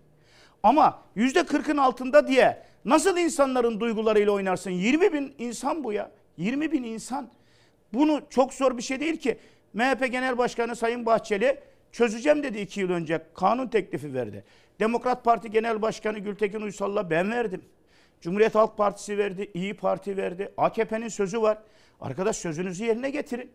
Yani iktidar maalesef sorun çözme yerine yarın seçimlerde ne getirir bana, ne oy kazandırır derdine düştü şu anda. Ve bu dertle hareket ediyor. Yani iktidarın şu an tek planı var. Ben 30 Nisan'da seçim yapacağım diyor. 30 Nisan'da seçime giderken kimi ne kadar kendi yanıma çekebilirim? Hangi kavgayla etrafımı kenetleyebilirim? Nasıl insanları birbirine düşürebilirim, kamplaştırabilirim derdinde. Yani bir iktidar düşünsene. Şimdi Siz- o zaman oraya gelelim. 2000 Şunu söyleyeyim hemen. Sisi ile el sıkışıp siyasette küslük olmaz diyen Recep Tayyip Erdoğan muhalefete İçişleri Bakanı'yla, Adalet Bakanı'yla birlikte demediğini bırakmıyor ya. Her türlü hakaret ediyor. Yani şu an burada söylemekten hicap duyacağım. Söylemeyin tabii. Her türlü hakaret ediyor. Ya nasıl bir cumhurbaşkanısın sen? Sisi ile el sıkışıyorsun. Arabistan kralıyla katil dediğinle öpüşüp kucaklaşıyorsun. Terörist dediğin İsrail'e elçilik açıyorsun. Herzog'u misafir ediyorsun. FETÖ'cü dediğin Birleşik Arap Emirlikleri ile bir araya geliyorsun. Ama bu memleketin insanlarına her türlü hakareti etmekten geri durmuyorsun. Bekir Bozdağ anayasa değişikliği diyor. Getireceğiz meclise diyor. Biz iki milletvekiliyiz Gültekin Uysal'la beraber. İki milletvekilinin oyu yok mu İlker'cim? Demokrasi Olmaz herkesin mı? oy hakkı değil mi? Tabii. E bizi niye ziyaret etmediler? HDP'yi ziyaret ettiler. HDP ile bir olana terörist diyorlar. HDP PKK'lı diyorlar. Kendileri mecliste HDP ile aynı masaya oturup HDP'ye anayasayı anlatıyorlar. Biz iki milletvekiliyiz. Demokrat Partiyiz. 400 bin üyemiz var. Bu memleketin 76 yıllık bir siyasi hareketiyiz. Afyonkarahisar Milletvekili Gültekin Uysal'la Cemal Engür iki milletvekiliyiz. Bize niye anlatmıyorlar? Niye? E çünkü samimi değiller. Samimi değiller. Bu anayasa değişiklik teklifinin geçmesinden yana değiller. Referanduma götürüp 3 sandık koyalım bir araya. Hamaset, din duygusu üzerinden milletten nasıl daha fazla oy devşirebiliriz derdindeler. Bunların başörtü diye bir derdi yok. Bunların başörtü diye bir derdi olsa bu memlekette başörtülere yaptıkları zulümler apaçık ortada değil mi? Veya başı açık kadınlara yaptıkları zulümler ortada değil mi? Yani insan ayrılır mı ya? Başı açık başı kapalı diye insan ayrılır mı ya? 6 yaşındaki çocuğa tecavüz ediliyor. Ülkenin Cumhurbaşkanı diyor ki PKK daha diyor 13-14 yaşında kızlarımızı kaçırdı. Ona niye bir şey demiyorsunuz? Ya PKK'nın Allah belasını versin. Kız çocuklarını kaçıranın, erkek çocuklarını kaçıranın Allah belasını versin. Ama bunun karşılığı bu mu ya? Bu mu ya? Sen o kız çocukları kaçırılırken 20 yıldır devlet olarak neredesin ya? Senin İçişleri Bakanın teröristin ayakkabı numarasına varana kadar biliyor. Niye durdurmadın? Niye onlara sahip çıkmadın da şimdi 6 yaşındaki çocuğa tecavüz edildiğinde bunu din üzerinden ayrıştırmaya götürüyorsun? İktidarın tek derdi var.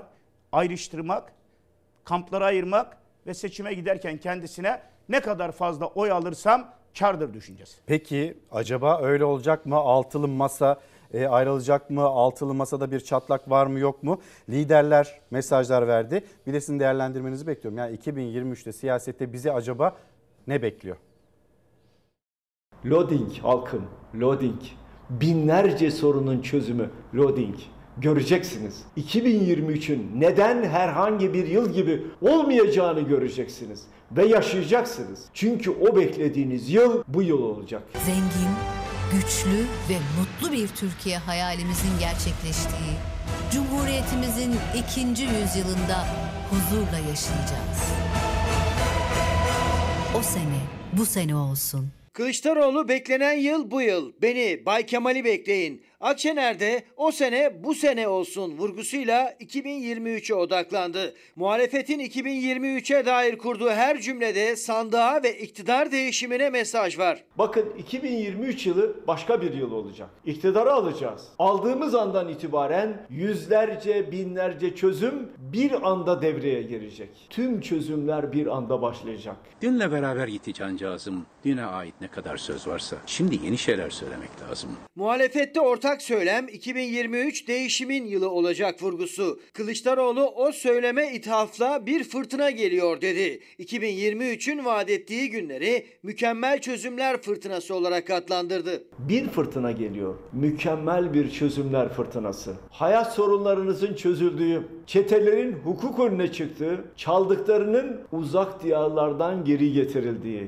güzel ve büyük, mükemmel bir fırtına. Cumhurbaşkanı Erdoğan ise 2022'yi uğurlarken yıl içinde iktidarın neler yaptığını 20 başlıkta 254 gönderiyle sosyal medyadan paylaştı. 3 dakikada bir paylaşım yapan Cumhurbaşkanı Çanakkale zaferini temsilen saat 19.15'te Çanakkale 1915 köprüsünü Cumhuriyet'in 100. yılını simgeleyen saat 20.23'te de TOG'u paylaştı. Erdoğan'ın gönderileri arasında ilginç olanlar da vardı. 2022'de yapılanlar arasında meteoroloji istasyonlarından deniz çöplerine kadar hiçbir detay atlanmadı.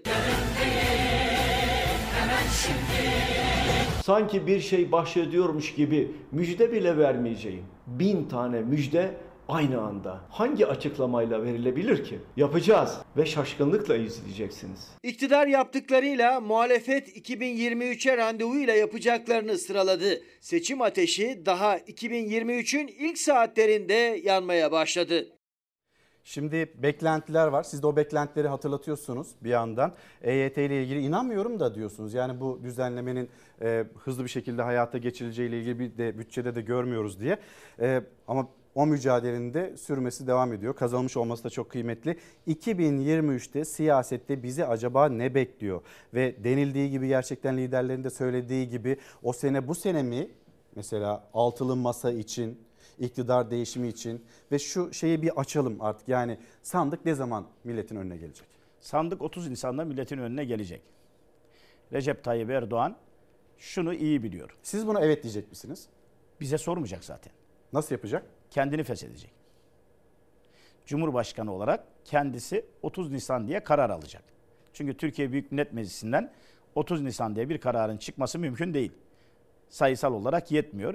Dolayısıyla bir tek yolu kalıyor geriye. Sayın Cumhurbaşkanı diyecek ki ben kendimi görev süremi tamamlamış oluyorum ve 30 Nisan'a seçim kararı almış olacak. Benim Sayın Cumhurbaşkanı'na tavsiyem şu. Dün akşam dünya kadar tweet attı. Sosyal medyaya dünya kadar para veriyor. Bir sürü masraf ediyor. Ya Sayın Cumhurbaşkanı bunları anlatana kadar gel pazara gidelim. Yeni yılı pazarda kutlayalım. Gel sokakta gezelim. Yeni yılı vatandaşlarla kutlayalım. Gel koruman olmadan, koruman ordusu olmadan bir insanları dinle bakalım. Hakikaten bu anlattığın, çizdiğin pembe tablo gibi mi ülke? Hakikaten insanlar senin bu gösterdiğin resimlerle, görüntülerle mutlu mu?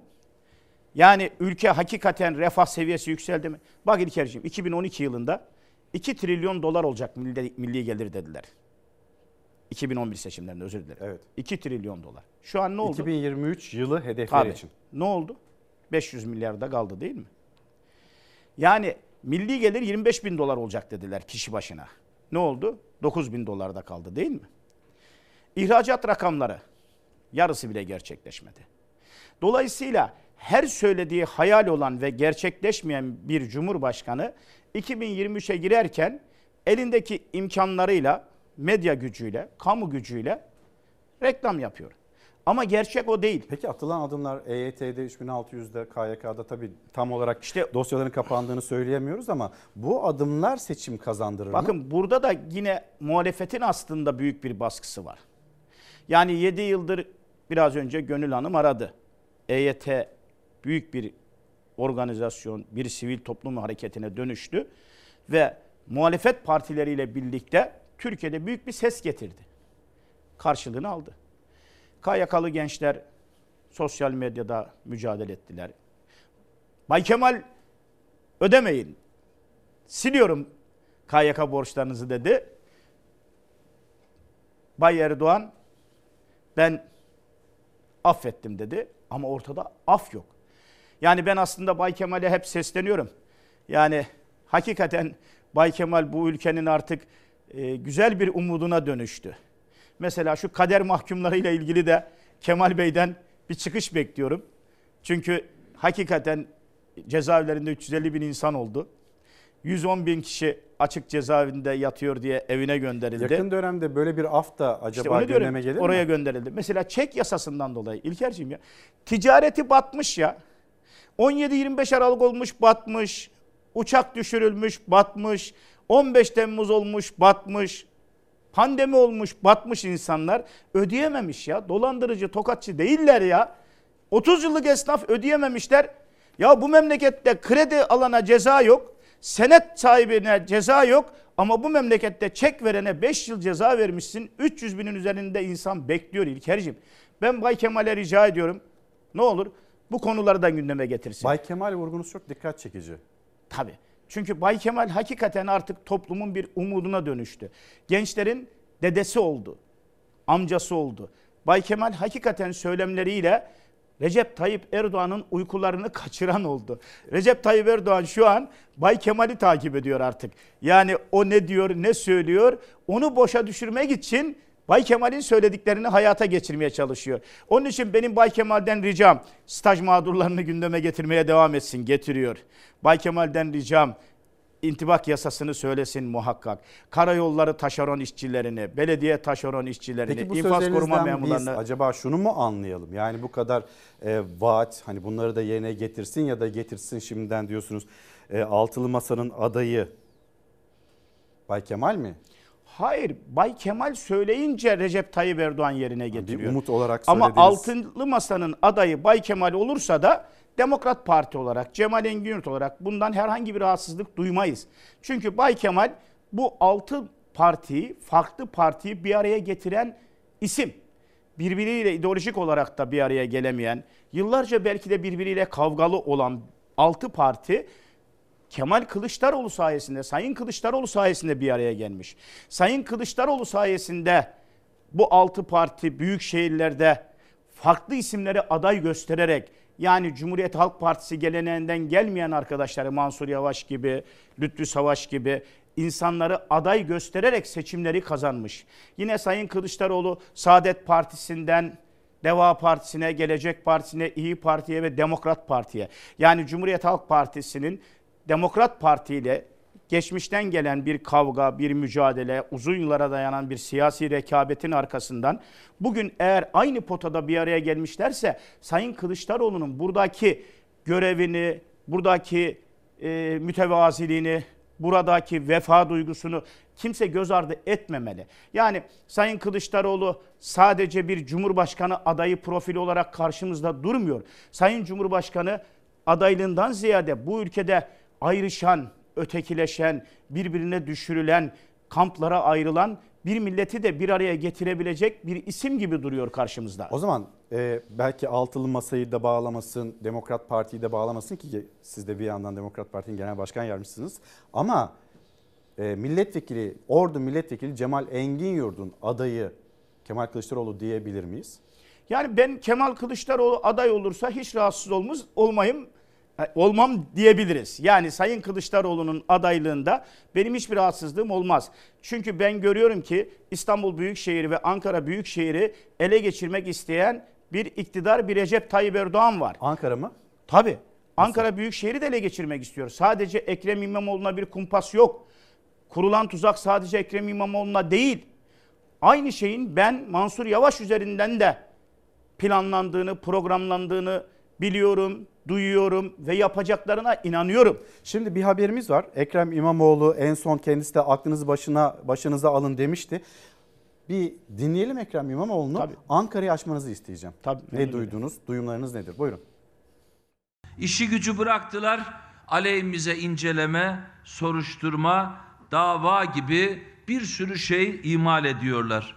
Ama hani halk dilinde bildiğimiz gibi tam bir merdiven altı imalat. Biz 150 günde 150 proje diyerek canla başla icraat yapıyoruz ama rakibimiz özenli bir çalışmayla 150 günde 150 soruşturma hedefiyle hareket ediyor. Hakkında yürütülen soruşturmalara merdiven altı benzetmesi yaptı İstanbul Büyükşehir Belediye Başkanı Ekrem İmamoğlu. Bizimle sürekli başka türlü rekabet eden bir rakibimiz var. Fakat bu rekabet öyle kurallara uygun değil. Mertçe, centilmence bir rekabet değil. Oyunun kurallarını sürekli değiştiren bir rekabet. Kazanmak için her türlü kötülüğü yapmaktan geri durmayacak bir anlayış. Soylu ve İmamoğlu arasındaki terör soruşturması gerilimi devam ediyor. İki isim de birbirine hafta boyunca yaptıkları açıklamalarla yüklendi. Dağa çıkmış bir terörist dediğiniz insan elini kolunu sallaya sallaya İstanbul'da niye dolaşıyoruz? Elimde imkan olsa ihraç ederdim. Hiç kimseye bakmazdım. Bu dediğinize evinizdeki insanlar, çoluğunuz, çocuğunuz, eşiniz, aileniz inanmaz. İmamoğlu 150 günde 150 proje kapsamında Balta Limanı Biyolojik Atık Su Arıtma Tesisi açılış töreninde konuştu. Gündeminde hakkındaki soruşturmalar vardı. Ankara'da bir yerlerde henüz yerini tespit edemediğimiz çünkü ruhsatlı değil İmamoğlu'na soruşturma imalathanesi kurdular. Seri üretime geçtiklerini de görüyorum. Neyi dava ediyorlar, neyi soruşturuyorlar açıkçası ben ve arkadaşlarım artık takip edemiyoruz. Hızlarına yetişemiyoruz. Uyarıyorum. Kendinize gelin, aklınızı başınıza alın.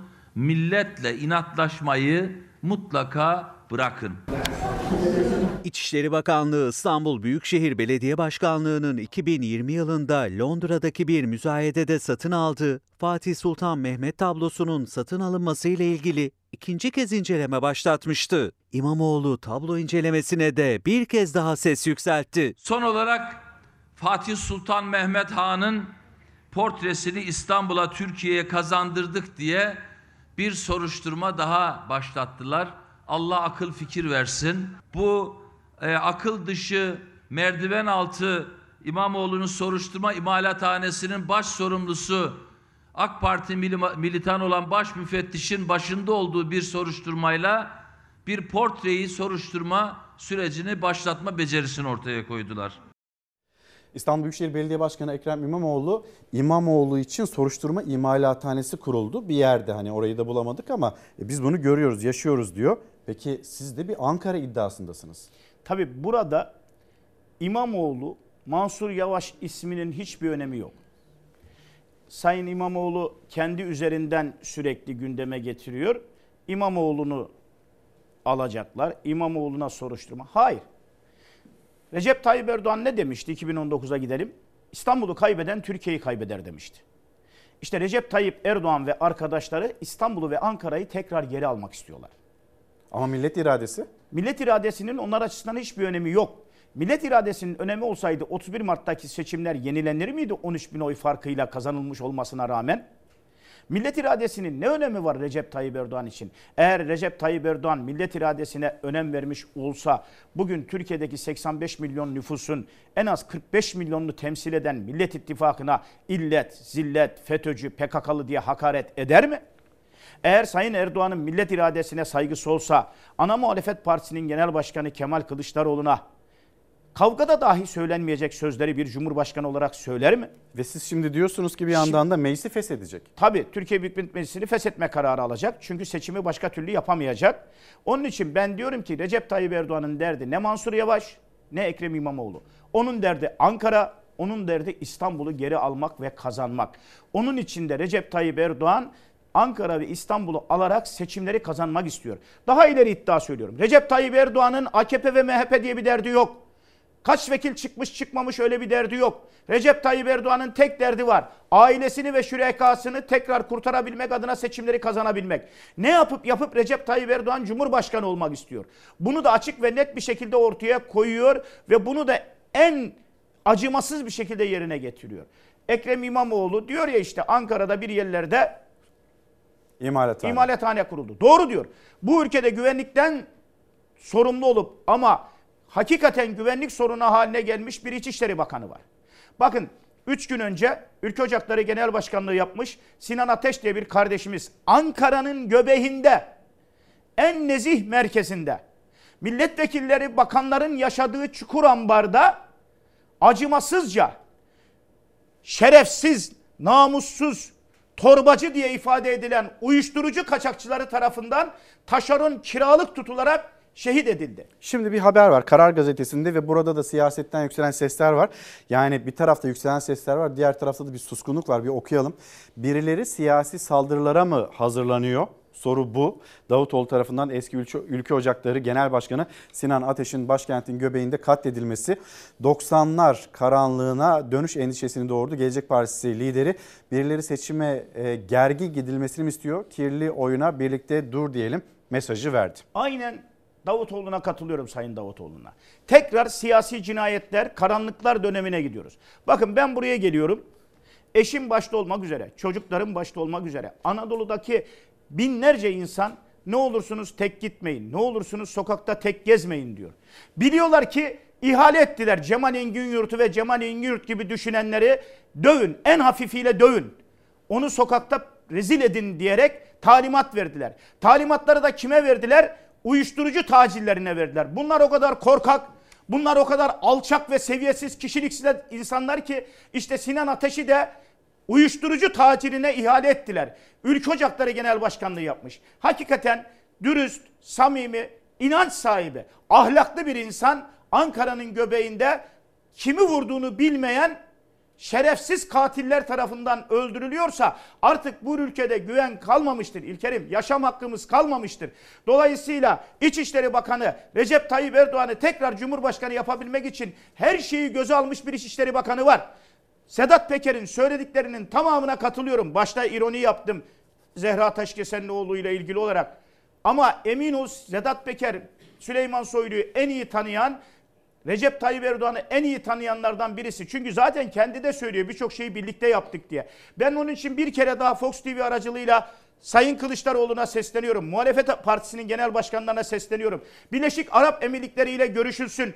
Birleşik Arap Emirlikleri'ne rica edilsin. Sedat Peker'in üzerindeki tecrit kaldırılsın. Çünkü Sedat Peker'in üzerindeki tecrit kaldırılırsa Sedat Peker bildiklerini anlatacak, bildiklerini Türkiye'ye duyuracak, dünyaya duyuracak. Bunu duyduğumuzda Süleyman Soylu'yu da tanımış olacağız. Recep Tayyip Erdoğan'ı da tanımış olacağız. Can güvenliğimiz kalmadı İlkerciğim. Vallahi kalmadı. Ben kendim biliyorum ki beni bile taşere ettiler. Beni bile taşer ettiler. Bunu söylerken birileri korkuyor söyleme Korkuyor söylüyor der- Hayır korku adına söylemiyorum. Ben ağ babalarını da bilirim onların. Alayını tanırım onların. Bize yapabilecekleri hiçbir şey yok. Ama kahpeliğe güç yetmiyor İlkerciğim. Sinan Ateş kahpelikle gitti. Dev gibi bir vatan evladıydı. Yiğit bir ülkücüydü. Ama iki tane şerefsiz tetikçinin kancıkça kurduğu bir pusuda kahpece şehit edildi. Dolayısıyla kahpeliğe dayanacak gücümüz yok. Ama maalesef iktidar şu anda gittiğini gördüğü için her türlü baskıyı uyguluyor, her türlü oyunu tezgaha kuruyor. Ben milletime sesleniyorum. Milletim ne olur bunları görelim.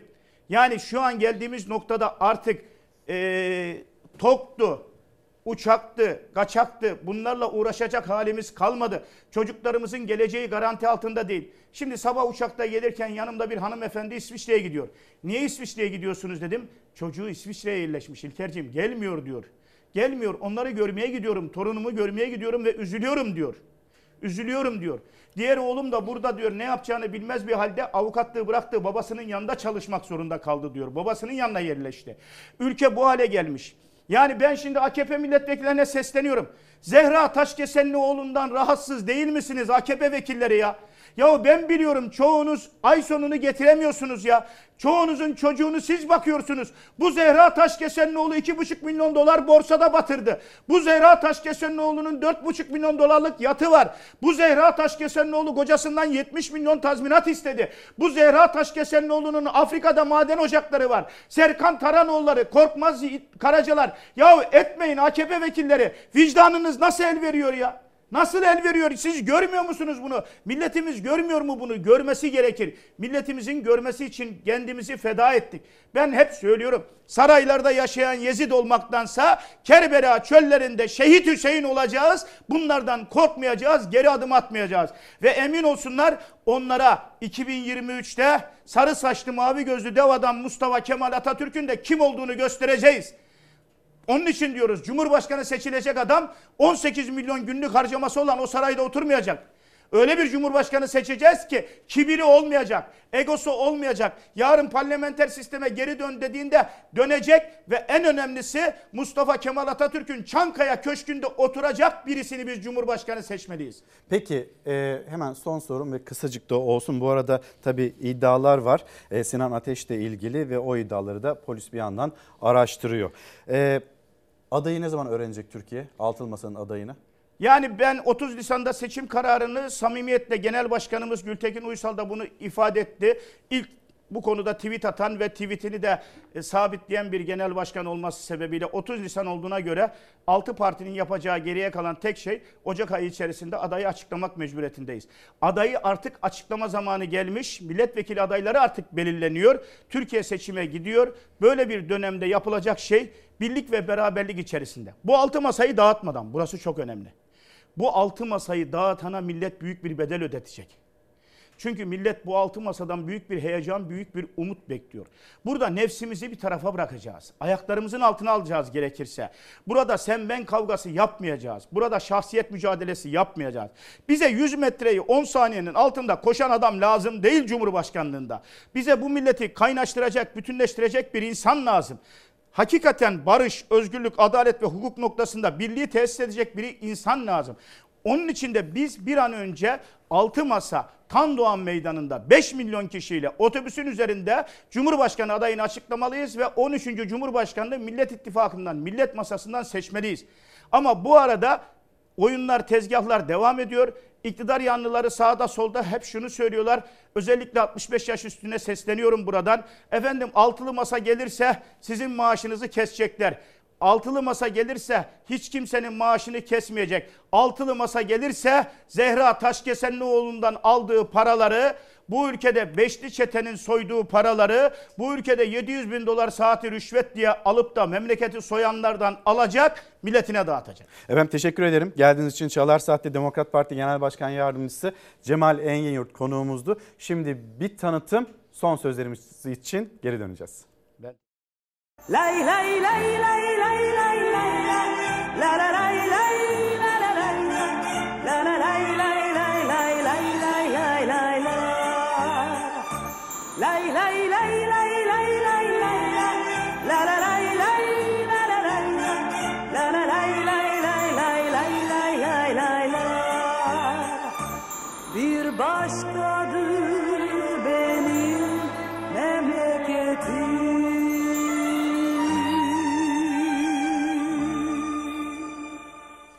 Yeni yılın ilk pazartesiydi. Kapatırken birlikte kapatalım. O zaman iki cümle daha alayım.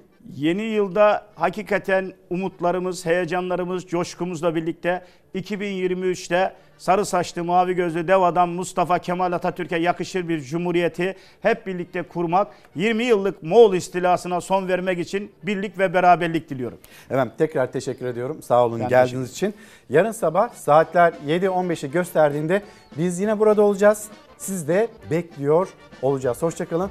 Güzel bir gün ve e, önümüzdeki günlerde, haftalarda bu yılda 2023'te güzel olsun, huzurlu, sağlıklı olsun.